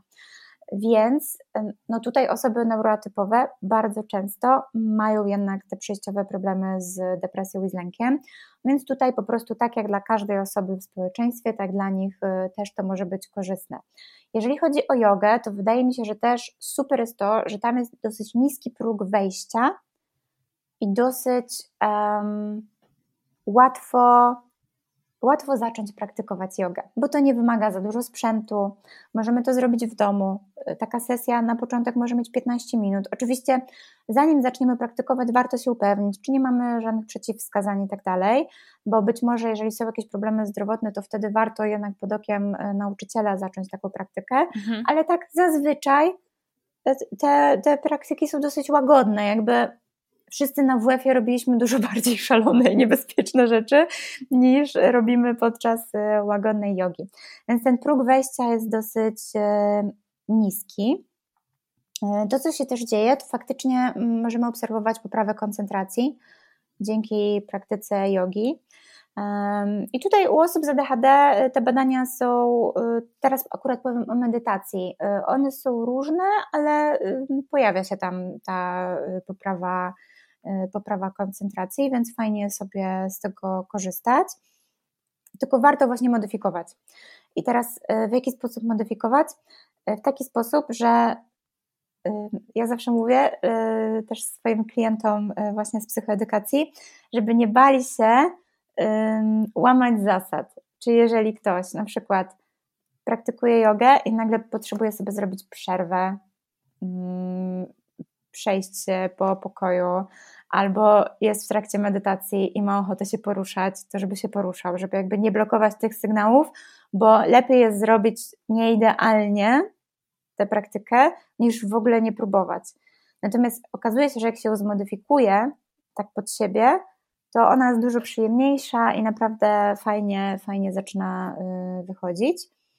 Też sobie myślę tutaj o osobach w spektrum autyzmu, że, mm, że yoga buduje świadomość ciała więc jeżeli na przykład ktoś ma problemy z czuciem głębokim, z, z dyspraksją, czyli z takimi, mm, z takimi ruchowymi różnymi, nie wiem jak to ładnie nazwać, niezdarnościami różnymi, e, to to może być pomocne. E, też sensorycznie yoga e, praktykowana w domu może być bardzo przyjazna. Możemy też znaleźć bardzo przyjazne studia jogi. Nie wszystkie, bo niektóre są bardzo zatłuczone i te kadzidełka i tak dalej. Są też nauczyciele, którzy nie pytają, czy można dotknąć kogoś, tak. więc y, tutaj to może być ważna wskazówka dla osób ze spektrum czy z ADHD, które nie lubią dotyku sensorycznie, żeby na wszelki wypadek zawsze przed zajęciami powiedzieć osobie prowadzącej, że po prostu nie lubią dotyku, nie? żeby nie być potem zaskoczonym e, tym, w razie gdyby taka osoba nie pytała o to. No i też e, yoga bardzo pomaga regulować emocje, to wiemy, a te emocje mogą być intensywne i zmienne e, w ADHD. E, no i to też w ogóle jest ciekawe, bo najnowsze badania pokazują, że mm, taka struktura w mózgu, jak móżdżek, która do tej pory była wiązana właśnie z poczuciem równowagi, z różnymi takimi fizycznymi aspektami, bierze udział w regulacji emocji. E, I pamiętam, że właśnie e, czytając książkę doktora Hallowella, on tam napisał, że jeszcze nie wiadomo dlaczego, nie jest to przebadane, ale że z obserwacji klinicznych wynika, że ćwiczenia równoważne dobrze wpływają na objawy ADHD. I mhm. wydaje mi się, że teraz z tą wiedzą, że jednak ten móżdżek ma coś wspólnego z regulacją emocji, trochę ma to sens, że, że te ćwiczenia mogą, mogą nam pomóc, no bo właśnie móżdżek jest zaangażowany we wszelkie ćwiczenia y, równoważne. Um, nie wiem, czy. Y, czy odpowiedziałam na, Twoje pytanie, bo pewnie tutaj tego jest. Tych rzeczy jeszcze pewnie bym mogła wymieniać i wymieniać. Natomiast co jeszcze jedna rzecz, która mi przychodzi do głowy, to to, że zarówno yoga, jak i medytacja obniżają aktywność ciała migdałowatego, które jest zaangażowane w wykrywanie zagrożeń, więc w przypadku zaburzeń lękowych jest bardzo aktywne. Mm, także to fajnie się, y, fajnie się wycisza. No i też, tylko znowu, to jest badanie korelacyjne, więc nie możemy powiedzieć, że to jest e, skutek, ale w ogóle e, korea przedczołowa może być troszeczkę grubsza u osób, które praktykują jogę. Tylko nie wiemy, czy to jest w wyniku jogi, czy po prostu osoby z grubszą korą przedczołową wybierają jogę. się na jogę. Ale z perspektywy tego, co wiemy o ADHD i, i właśnie o tym, że, że tutaj ta kora przedczołowa może trochę nie domagać, też wydaje mi się to godne, godne uwagi. I tak naprawdę, tak w moim prywatnym życiu, ja jestem ciekawa, na ile właśnie to, że ja tak długo praktykuję jogę, jednak jakoś e, wpłynęło na to, że, że ta neuroróżnorodność nie aż tak nie z, nie zdewastowała mojego życia. Właśnie chciałam zapytać o to, czy czasami się nad tym zastanawiałaś, bo to jest mega ciekawe. Ja ci powiem z mojego osobistego doświadczenia, kiedy ja regularnie ćwiczyłam jogę, to był taki rok, w zasadzie nawet dwa, kiedy ja naprawdę bardzo dobrze sobie radziłam i ja bym w tamtym momencie w życiu nawet nie pomyślała o tym, że mogłabym, że coś, coś ze mną mogłoby być nie tak, że mogłabym chcieć iść na, iść na jakąś diagnozę. Więc to jest bardzo ciekawe. No, teraz właśnie dałaś mi do myślenia, bo tak sobie pomyślałam, że yoga to jedno, ale ja zawsze byłam bardzo aktywna. Mm. I pytanie, czy ta moja diagnoza ADHD nie pojawiła się jakoś tak e, w, w okolicach pandemii, kiedy po prostu tego ruchu było mniej siłą rzeczy, bo e, dzisiaj jeszcze nawet przyglądałam taką metaanalizę, no, że ruch jednoznacznie poprawia e, funkcję wykonania, w ogóle poprawia, um, ojejku, niweluje te negatywne wszystkie mm -hmm. objawy ADHDowe.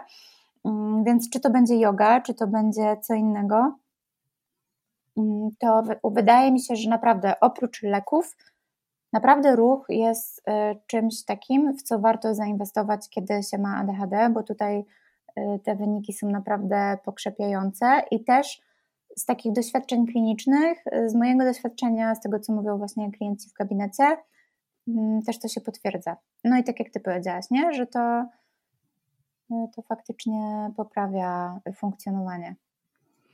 Tylko z jaką jest taki jeden problem? No. Że żeby ona rzeczywiście mm, na nas dobrze działała, to trzeba ją uprawiać regularnie, jak każdy inny sport. Agata, jak to zrobić? Jak ja ci mówię, ja chodziłam na jogę no, z dobre dwa lata regularnie, miałam wspaniałe studio jogi, I ja myślę, że to mnie tak trzymało w ryzach. Ja po prostu miałam wykupiony roczny karnet, miałam wspaniałe instruktorki, chodziłam tam regularnie, nawet namówiłam mojego męża, żeby ze mną chodził. Przyszła pandemia, wszystko się posypało. Od tamtej pory byłam na macie, może nie wiem, na palcach jednej ręki jestem w stanie policzyć razy. Co mam zrobić, żeby do tego wrócić i żeby w tym wytrwać? No myślę, że najlepszy będzie y, sposób, który ewidentnie u Ciebie działał, czyli wykupić sobie roczny karnet w fajnym studiu jogi. No to jest troszeczkę takie pytanie, jak w tych wszystkich interwencjach behawioralnych, nie? że one działają, tylko że faktycznie y, trzeba, trzeba je robić. Hmm. Y, myślę, że y, żeby faktycznie pokonać tę barierę, to obniżyć troszeczkę swoje oczekiwania. E, I tak naprawdę to nie dotyczy jogi, to dotyczy bardzo różnych strategii i technik, które wdrażamy w radzeniu sobie z ADHD. E, czyli bardzo często, tutaj też weźmy pod uwagę, że osoby z ADHD bardzo często się zmagają z perfekcjonizmem. Mhm. Wydaje mi się, że wynika to z tego, że też już to wiemy z badań, że dzieci z ADHD y, w ciągu swojego dorastania do dorosłości słyszą o wiele więcej negatywnych komunikatów na swój temat. I ponieważ ich funkcjonowanie jest takie nierówne, czyli um, albo w ogóle nie ogarniają, albo y, kiedy jest mobilizacja, ponieważ mózg ADHDowy bardzo dobrze działa wtedy, kiedy jest wyzwanie, kiedy jest mobilizacja, nagle w krótkim czasie są w stanie zrobić dobry efekt, nagle dowożą, no i co słyszą? Jak chcesz, to potrafisz. Tak. Taka zdolna, ale leniwa. No i dostają wzmocnienie za dowiezienie tego czegoś super. I wydaje mi się, że rodzi się, zwłaszcza jeżeli ktoś nie ma diagnozy, takie przekonanie, że jak chcę, to mogę, więc coś jest ze mną nie tak, więc teoretycznie mogłabym zawsze takie super efekty i zawsze jechać na tych najwyższych obrotach, no nie? No bo skoro mi się udało w piątek, to czemu ma mi się nie udać w sobotę, w niedzielę, w poniedziałek i we wtorek? Muszę coś zrobić ze sobą. Natomiast to jest nieracjonalne, bo nikt nie jest w stanie funkcjonować cały czas na tych najwyższych obrotach. I potem ten perfekcjonizm y, zabieramy y, do wszystkich dziedzin. Czyli wydaje nam się, że jak już mamy praktykować jogę, to trzy razy w tygodniu po godzinie, albo dwa razy w tygodniu, albo inaczej nie ma sensu, nie?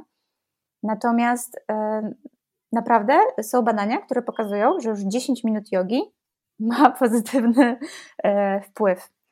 Więc być może na początek po prostu dać sobie yy, taki plan dwa razy w tygodniu po 15 minut. Bo też coś, o czym często zapominamy, to jest to, że to, że na początku stawiamy sobie niższy cel, to nie jest podpisanie paktu z diabłem i że już, nikt, że już to jest zakaz ćwiczenia więcej. że jak już sobie postanowiłaś 15 minut, to nie możesz przez godzinę. Tylko, że to jest takie minimum, które musimy zrobić. Hmm. Musimy, chcemy. Właśnie to też o to chodzi, żeby sobie tak. wypisać być może tę listę korzyści, które, mm, które z tym przyjdą. E, I być może przez miesiąc to będzie dwa razy w tygodniu po 15 minut, a może czasami nam się przedłuży ta obecność na macie. I, no i, i to jest chyba najlepsza metoda, podzielić sobie to na małe kroczki, przypominać sobie po co to chcemy robić. Zapisanie się gdzieś jest najlepsze, no bo wtedy hmm. to się trochę robi za nas, mamy wsparcie grupy i, i tak dalej. No oczywiście wydaje mi się, że tutaj no z tym regularnym, z regularną praktyką jogi w ADHD, no to, to, jest, to są te same techniki, które są przy regularnym robieniu czegokolwiek, mm-hmm. czyli e, być może zobowiązanie się komuś i zdawanie relacji komuś, być może wpisywanie sobie tego jako zadanie w kalendarzu i skreślanie, bo skreślenie to od razu dopamina, człowiek zadowolony, że coś zrobił być może jakaś przypominajka, bo co z oczu, to z serca, więc żeby mieć tak. na oku, może rozłożona mata, żeby pamiętać, że, że to trzeba zrobić. Natomiast e, jest to do zrobienia i wydaje mi się, że gra jest warta świeczki. A jak, no bo ja rozumiem, że jakby yoga w studio to jedno, no i wszystko fajnie, tylko jak znaleźć takie studio, które, jakby czym się kierować, żeby znaleźć takie studio, które nam będzie odpowiadać, albo takiego nauczyciela, instruktora jogi, który nam będzie pasować? Na co zwracać uwagę? Myślę, że trzeba też troszeczkę zaufać sobie bo y, ludzie lubią różne rzeczy mm, i będą osoby, które wolą jakiś tradycyjny przekaz, powagę na zajęciach, więcej ciszy. Będą osoby, które wolą luźniejszą atmosferę, żarty, jakąś współczesną muzykę. Y, I to są po prostu tylko i wyłącznie osobiste preferencje, czyli warto po prostu sprawdzić, jak ja się czuję po tych zajęciach, jak ja się czuję w trakcie i jak ja, jak ja się czuję po. Y, czy, y, czy jestem rozluźniona, czy faktycznie się zrelaksowałam, czy, y, czy to nie jest tak, że na przykład nauczyciel zachęca ciągle do przekraczania granic, na to bym uważała, bo, bo to może po prostu prowadzić do kontuzji i do takiego w ogóle niezdrowego psychicznego nastawienia do, do praktyki.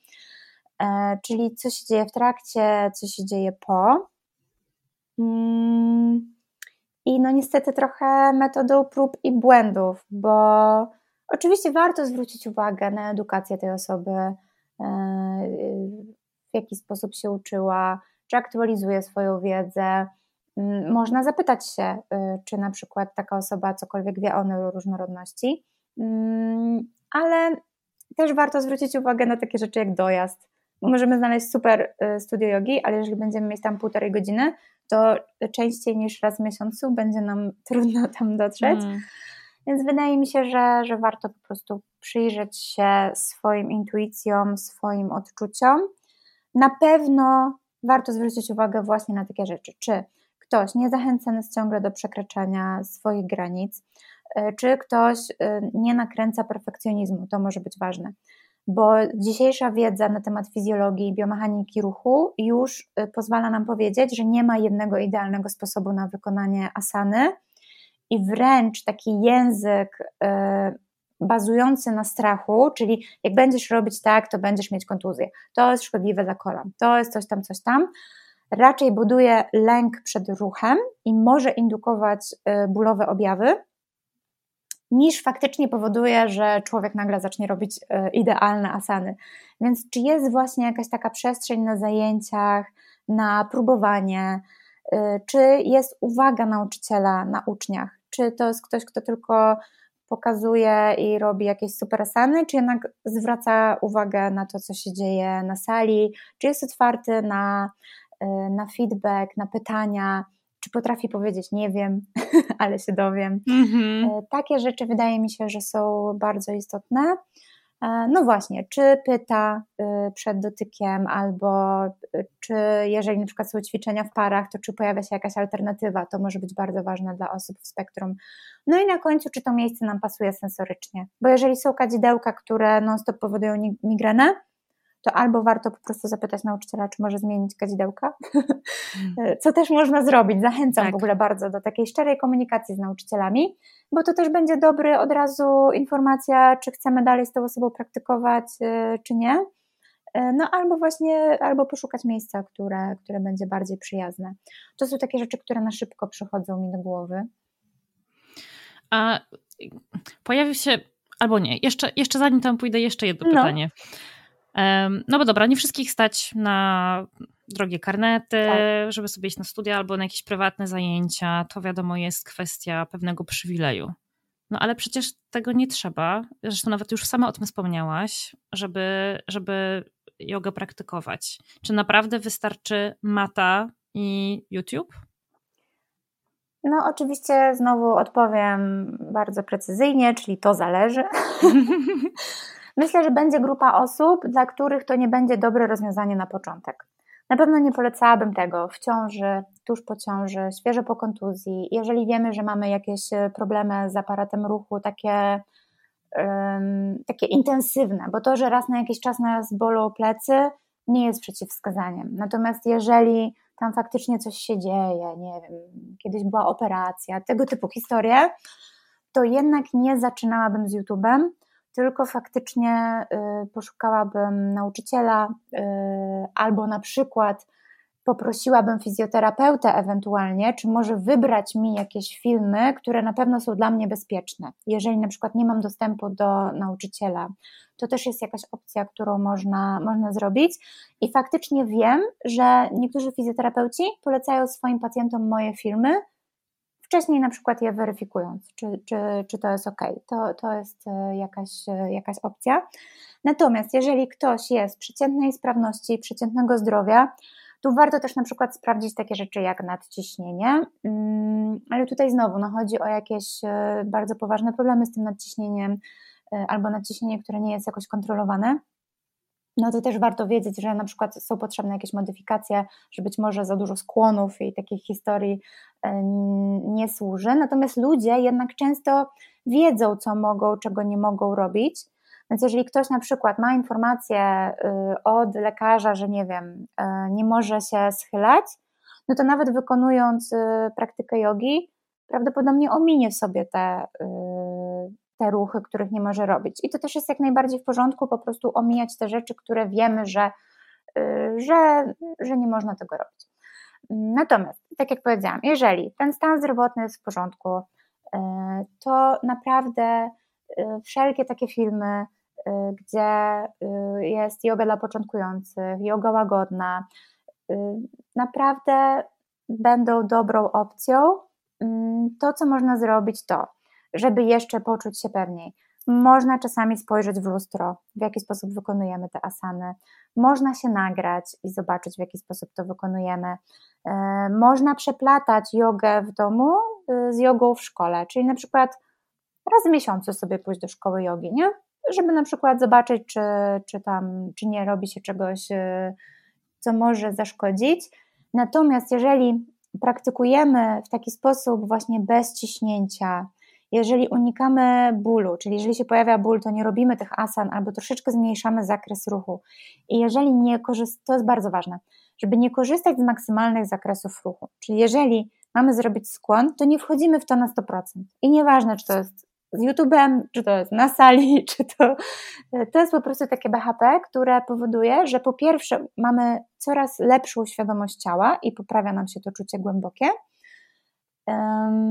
Mamy trochę, budujemy taką łagodność psychologiczną dla siebie, czyli szukamy, i tu w ogóle moim zdaniem e, tej neuroróżnorodności jest super ważna taki, taki balans między akceptacją i zmianą, czyli co mogę zaakceptować, co muszę zaakceptować, co mogę zmienić. I to samo jest w jodze. No, robię ten skłon, mogę tyle, dalej już mnie boli, albo nogi mi się trzęsą, albo to już jest naprawdę taki maksymalny dla mnie wysiłek.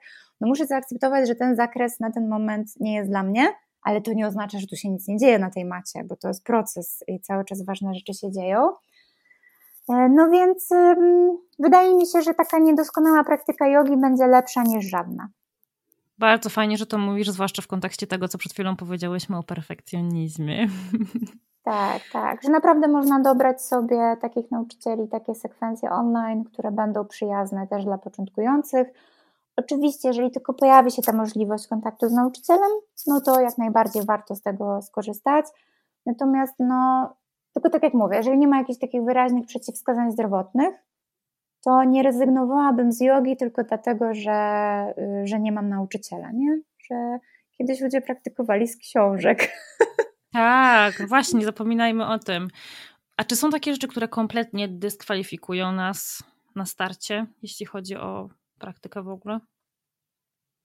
W domu, czy. W ogóle, w ogóle jakieś takie kwestie zdrowotne, które nas wykluczają? Nie, trudno mi sobie wyobrazić. To znaczy, oczywiście, że im, poważ, im poważniejsze są te problemy, y, tym y, jakby ta praktyka musi być zmodyfikowana. I są osoby, które zajmują się terapią jogą. Możemy znaleźć y, fizjoterapeutów, którzy są jednocześnie nauczycielami jogi, i tam po prostu jest to troszeczkę wymieszane, na przykład fizjoterapia z jogą.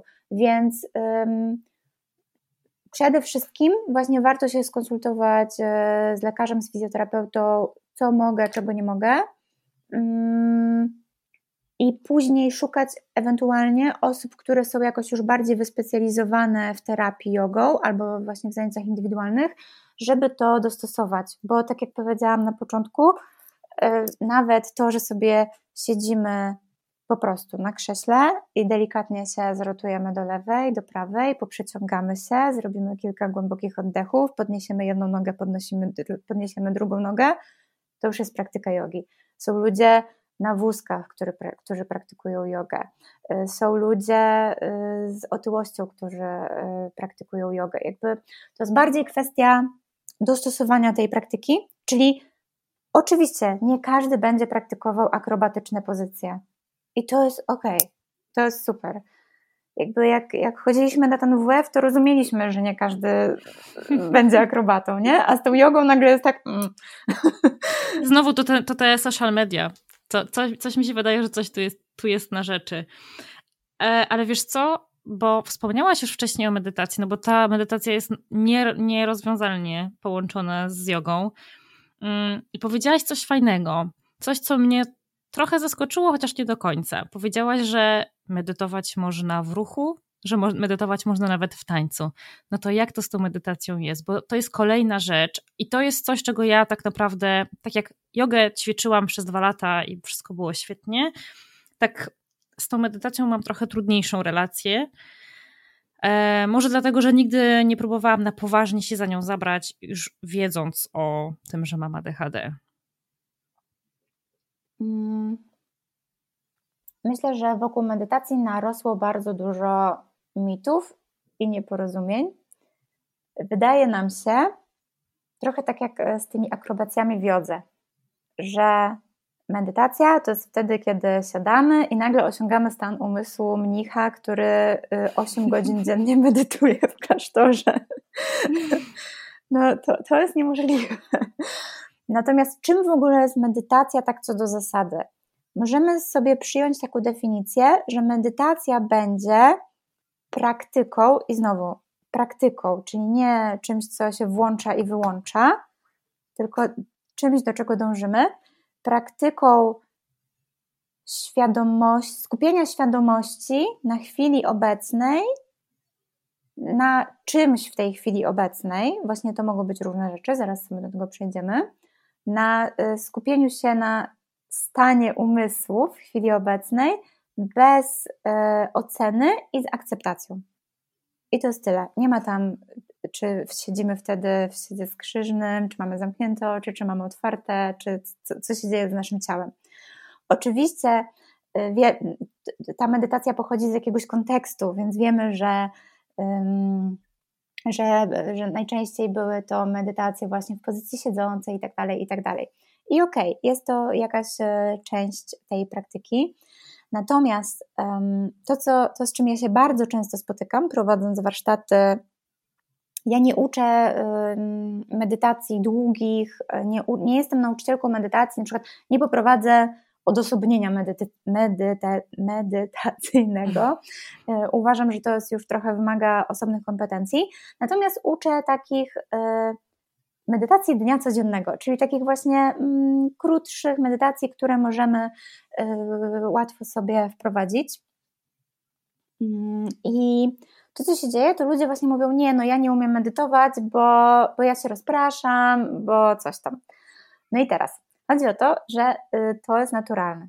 I teraz, jak zbadano tych doświadczonych medytatorów z jaskiń i z klasztorów, to u nich to też nie działa jak taki wyłącznik, że włączają nacisk medytacja i już przebywają w stanie tym oświecenia i żadne myśli i wrażenia nie zakłócają ich. Nie.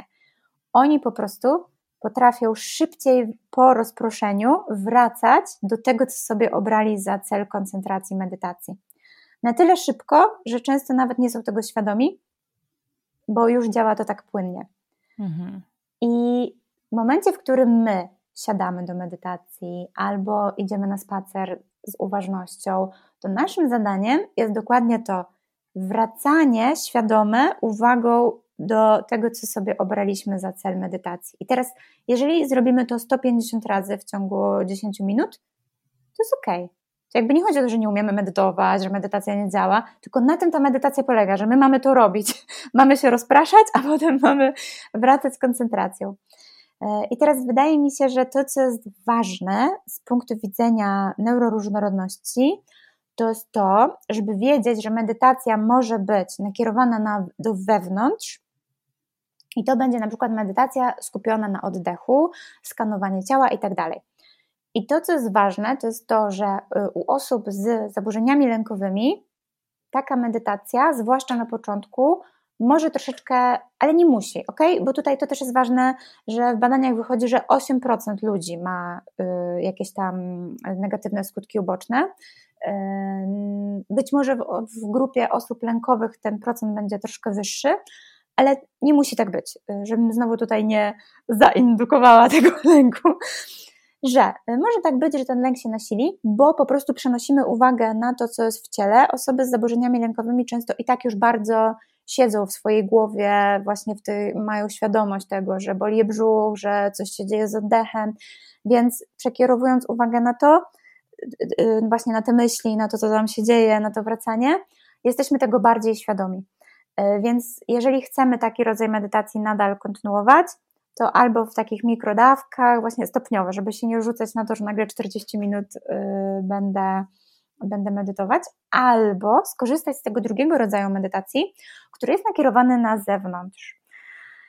I to będzie świetne wyjście dla osób, wydaje mi się, że bardzo fajne dla osób z ADHD, które mają taką tendencję do y, chaosu właśnie w głowie, do, do mm, zamartwiania się, do przewidywania, do tego wszystkiego, bo musimy troszeczkę wyjść z tej głowy i na przykład wybrać sobie jakiś jeden element, na przykład y, idąc takim kluczem zmysłowym, czyli idę na spacer i skupiam się na zapachach, które czuję. Albo skupiam się na tym, że obserwuję ptaki na tym spacerze. Czyli rozglądam się i trochę szukam tych ptaków. Jak zobaczę tego ptaka, to zastanawiam się, jak on wygląda, czy jest szybki, czy jest wolny, czy jest głośny, jak brzmi.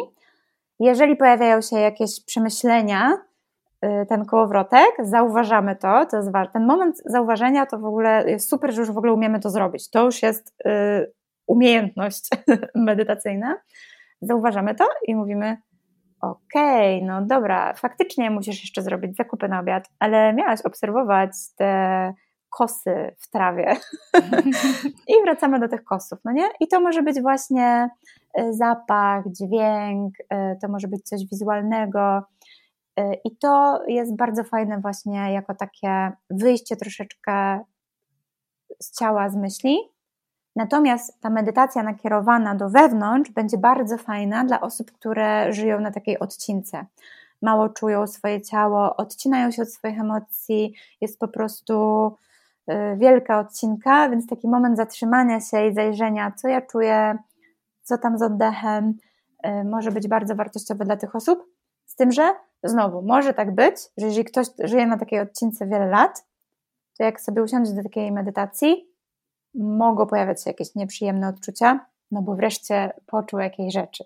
Mhm. Więc wtedy to już do zastanowienia się, czy to jest na tyle silne, że być może ta praktyka nie jest dla mnie i być może najpierw muszę się skonsultować na przykład z psychologiem, żeby przyjrzeć się temu, czy to jest taki dyskomfort w miarę do zniesienia, więc próbuję robić to dalej i zobaczyć, czy mi się poprawi, czy nie. No to znowu, od czego zacząć? Myślę, że e, mamy teraz naprawdę e, duży dostęp do medytacji wszelkich. I tak naprawdę to będzie najbardziej dostępne, bo o ile szkół jogi jest dużo, tak nauczycieli medytacji jest niewielu i szczerze mówiąc, e, taka grupowa medytacja gdzieś już prowadzona, długa, czy nawet kurs mindfulness, gdzie też bardzo szybko te, te długie medytacje się pojawiają, dla osoby z ADHD na przykład, e, to może być trochę za dużo. Więc znowu, jeżeli są środki, jeżeli są możliwości, fajnie byłoby się na przykład skonsultować z jakimś nauczycielem medytacji. Um, nawet nie na regularne spotkania, tylko właśnie, żeby jakoś pokierował. Um, mogą to być też e, elementy te, które się pojawiają na jodze. Natomiast jak najbardziej może to być po prostu też aplikacja. E, tego jest naprawdę dużo. Jest taka świetna polska aplikacja Intu, E, ja ją bardzo lubię, dlatego że te medytacje są tam bardzo różnorodne e, i można znaleźć coś dla siebie i znowu po prostu bym obserwowała siebie. Jeżeli czuję się dobrze, jeżeli mi to pomaga, no to po prostu mogę kontynuować. Jeżeli z jakiegoś powodu czuję się gorzej, to być może jest to sygnał, że warto się skonsultować albo z. Najlepiej tak naprawdę fajnie byłoby się skonsultować wtedy na przykład z kimś, kto ma wykształcenie i psychologiczne, i mindfulnessowe bo, bo taka osoba y, będzie wiedziała, co zrobić. Ale kursy mindfulness też jak najbardziej y, są super, te y, ośmiotygodniowe. Mm, tylko może warto wcześniej, zanim się człowiek zapisze już i zapłaci i tak dalej, zapytać prowadzącego, co tam się będzie działo i właśnie mhm. może poinformować o tym ADHD, żeby ewentualnie otrzymać jakieś modyfikacje. Nie? Mhm bo mhm. jednak to siedzenie bez ruchu naprawdę może być wyzwaniem. Nie? No, mhm. jakby nie robimy tego nawet dzieciom, tak? Wiemy, że dziecko w klasie z ADHD fajnie, gdyby mogło się przejść, iść sobie na kocyk, coś tam, coś tam, bo, bo ten bezruch będzie ciężki. To samo moim zdaniem z medytacją. A co z takimi ogólnodostępnymi, darmowymi, nie aplikacjami, tylko takimi nagraniami medytacji gdzieś na Spotify albo na YouTubie? One są wartościowe, czy lepiej unikać? No myślę, że jak ze wszystkim, no, są wartościowe i są, i są też może mniej, aczkolwiek hmm, no trudno mi tutaj jakoś e, jednoznacznie hmm. na to odpowiedzieć, prawda? Wydaje mi się, że jeżeli jesteśmy w stanie przeczytać, kto się tym zajmuje, jakie ma do tego kompetencje, zazwyczaj te medytacje są opisane, czyli jeżeli nie wiem, nie jesteśmy wkręceni super w duchowość, no to raczej nie wybierzemy czakralnej medytacji, prawda? Ale jeżeli z kolei duchowość to jest coś, co jakoś nas kręci i nas relaksuje, no to czemu nie? No to, to, to zróbmy sobie jej tą czakralną, nie? No to wtedy będziemy uwagę kierować tam na czakry. Mm. Ważne jest to, żeby mieć po prostu świadomość, tak? Co należy do duchowości i co jakby jest nieweryfikowalne naukowo i i nie możemy tego traktować jakoś tak e, super poważnie klinicznie, ani jakkolwiek tak tutaj z perspektywy psychologii. E, no ale nie możemy też tego wyrzucić do kosza. No, ludzie modlą się od tysięcy lat, więc ja tutaj nie uważam, że to jest coś, co należy absolutnie e, zakazać tego ludziom. Natomiast mamy też na pewno te bardziej świeckie wersje czy też naprawdę można znaleźć nagrania prowadzone przez psychologów, przez osoby, które mają wieloletnie doświadczenie w uczeniu medytacji. Można to znaleźć. Ale ja chyba nie zadałam Ci takiego bardzo ważnego pytania, właśnie się zorientowałam. Co ta medytacja nam w ogóle może dać takiego dobrego, że tak warto, warto się nią pobawić? E, to są bardzo podobne rzeczy do tych, które mówiłam, że daje yoga. Y, tylko nie ma tego aspektu ruchowego, y, więc będzie troszkę inaczej. Natomiast ona dokładnie y, też powoduje to, że pojawiają na przykład się nowe komórki w hipokampie, że właśnie jest neurogeneza, tak samo w jodze, tak samo w medytacji. Dlaczego to jest ważne? Dlatego, że widzimy na przykład u osób z depresją, że ten hipokamp się zmniejsza nowe komórki e, powodują też to, że to ma działanie neuroprotekcyjne, czyli jak zaczniemy się starzeć albo no, w najgorszym przypadku dopadnie nas jakaś choroba neurodegeneracyjna, to im więcej będziemy mieć komórek, im więcej będziemy mieć połączeń, tym te wszystkie e, rzeczy w przyszłości, te procesy degeneracyjne po prostu będą trwały dłużej i nie będzie tak łatwo naszego mózgu dopaść.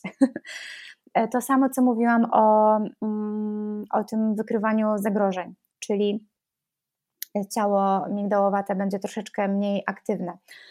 Super też e, to, co wiemy, to jest to, że, i to jest bardzo ciekawy wątek, że u osób doświadczonych, które medytują, troszeczkę jest mniejsza aktywność sieci spoczynkowej mózgu.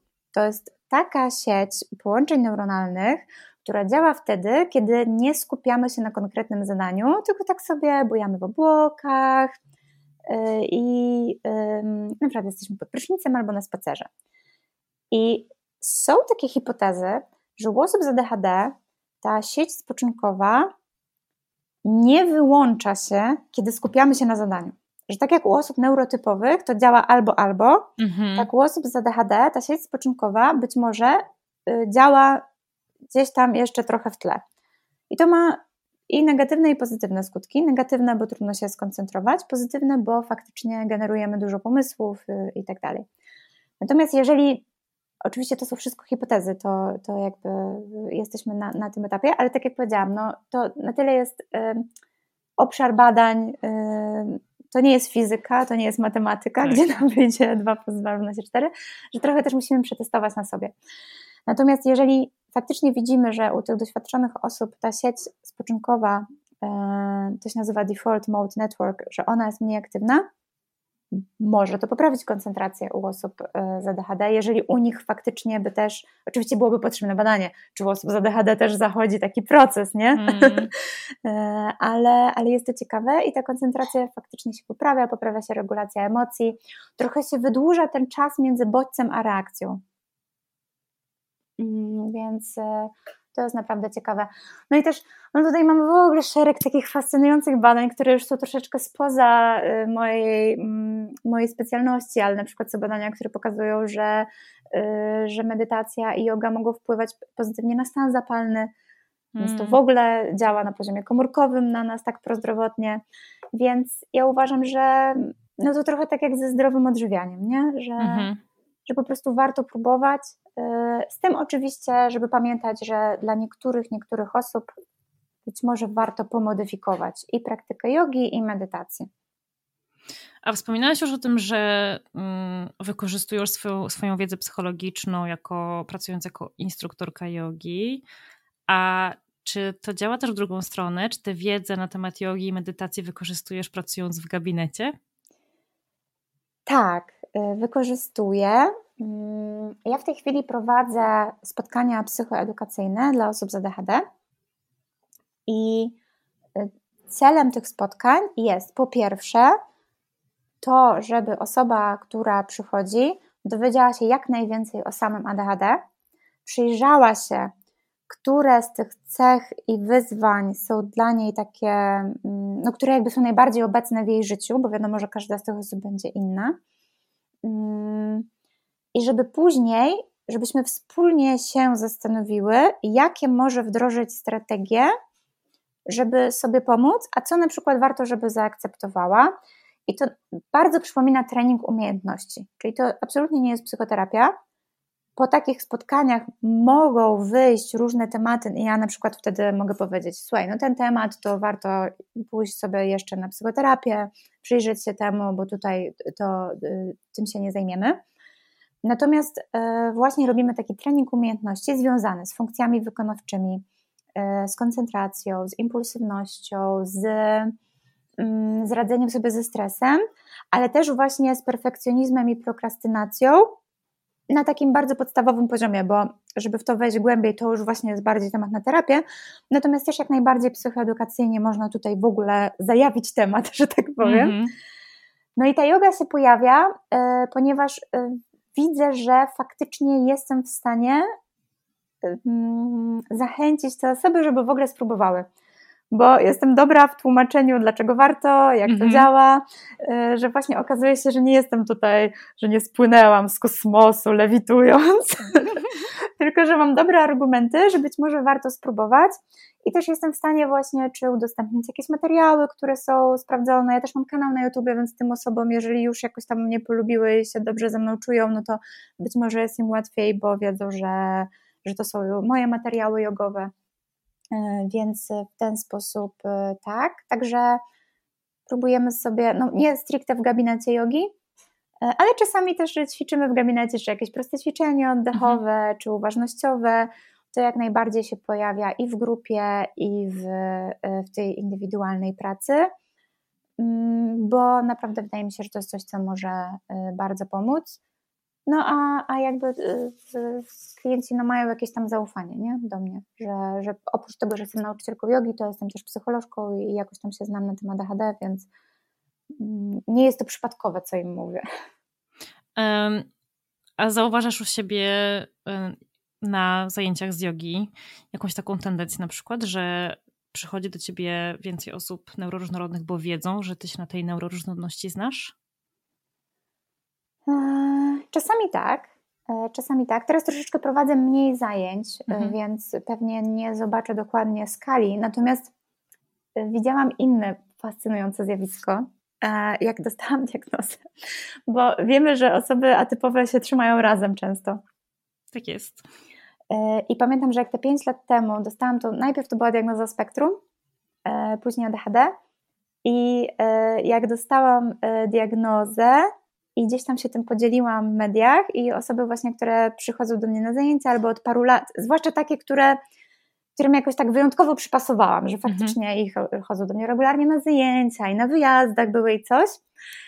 Y, I właśnie z jakiegoś powodu było tak, że mm, co, co, coś tu gra, to czasami właśnie pojawiały się diagnozy wśród osób, które regularnie przychodziły do mnie na zajęciach i spektrum i ADHD, nie? Albo osoby, które przyjeżdżały na wyjazdy natomiast tak, czasami się pojawiają osoby neuroróżnorodne,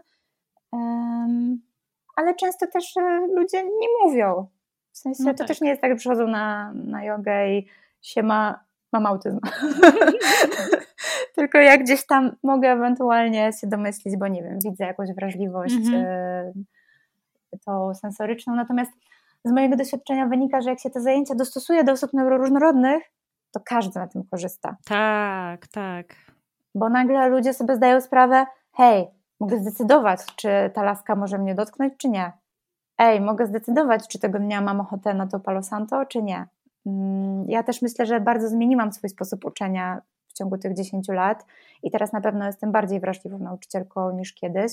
Kiedyś to w ogóle nikt nie myślał o tym, że trzeba kogoś zapytać, zanim się go dotknie, nie? Ja właśnie o tym chciałam powiedzieć, że mam wrażenie, że nadal to jest jeszcze rzadkość. Ha, ale mm. już dwa lata nie byłam na jodze, więc może się mylę.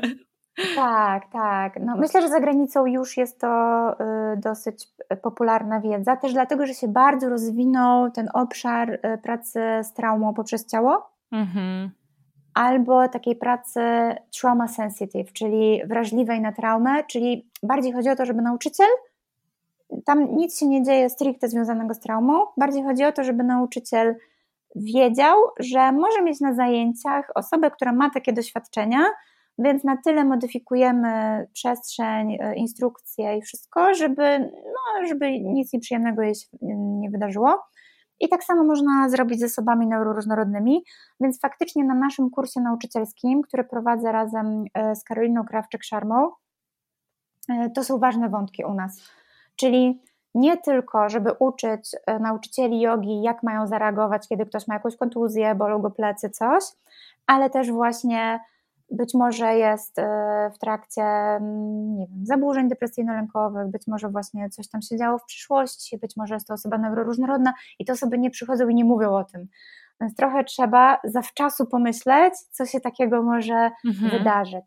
I tak naprawdę um, te reakcje takie silne emocjonalnie, które się pojawiają na jodze, oczywiście one mogą się czasami wydarzyć i to jest ok, ale Cała sztuka to jest tak zaplanować te zajęcia, żeby nie było aż tyle triggerów, które powodują nagle, że pół grupy płacze. Oczywiście to się może zdarzyć nawet jak wszystko jest super, tak? Nie mówię, że nie, ale trochę myślimy już o, o tym, jak to zaplanować, żeby to było właśnie sprzyjające. Mhm. Myślę, że czas na podsumowanie. Mm, Wiesz co, ja zawsze na koniec pytam, zadaję to samo pytanie w zasadzie, ale ja bym chciała trochę, trochę tutaj zmienić koncept tym razem. Mhm. Ja bym chciała to trochę odwrócić. Chciałabym zapytać Cię o to, co byś powiedziała ludziom, którzy niewiele wiedzą o jodze i medytacji, a co chciałabyś, żeby wiedzieli? Gdyby to miała być taka jedna rzecz. Uuu, trudne pytanie. Myślę, że powiedziałabym, że jest to bardzo bogaty, wielowymiarowy system pracy z ciałem i umysłem, różnorodny, który daje namacalne, y, przebadane już efekty y, prozdrowotne zarówno w ciele, jak i w umyśle. I że warto spróbować. To jest to, że, że warto spróbować, że właśnie warto poeksperymentować, znaleźć ten wycinek jogi i medytacji dla siebie, bo może akurat ten wycinek będzie tym brakującym puzelkiem, który spowoduje, że pogłębi się jakaś świadomość siebie, świadomość ciała e, i pomoże to po prostu w dalszym rozwoju i dbaniu o siebie. Super mnie namówiłaś. Ja patrzę na moją matę, która stoi tuż obok i myślę, że jej dzisiaj użyję i wcale nie żartuję. Wspaniale, tylko pamiętaj, daj sobie jakiś taki realny timing. Tak jest, tak zrobię. Dzięki Ci wielkie, Agata. Bardzo Ci dziękuję, bardzo Ci dziękuję za zaproszenie. Y, mogłyśmy porozmawiać o wszystkich moich tematach, które mnie pasjonują, więc y, nawet nie wiem, kiedy to zleciało. Mam nadzieję, że, że osoby, które tego słuchają, na tym skorzystają i że uda nam się przekonać nowe osoby do tego, żeby, żeby dać jodze i medytacji szansę. Tak jest.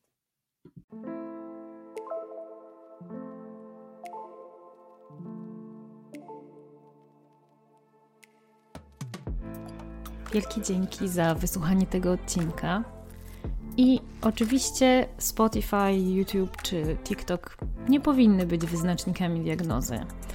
Ale jeśli to, o czym tutaj rozmawiałyśmy, brzmi dla ciebie podejrzanie znajomo, to mam nadzieję, że zaopiekujesz się sobą i wykonasz pierwszy krok w kierunku pójścia po pomoc, bo każda z nas na to zasługuje. Do usłyszenia w kolejnym odcinku.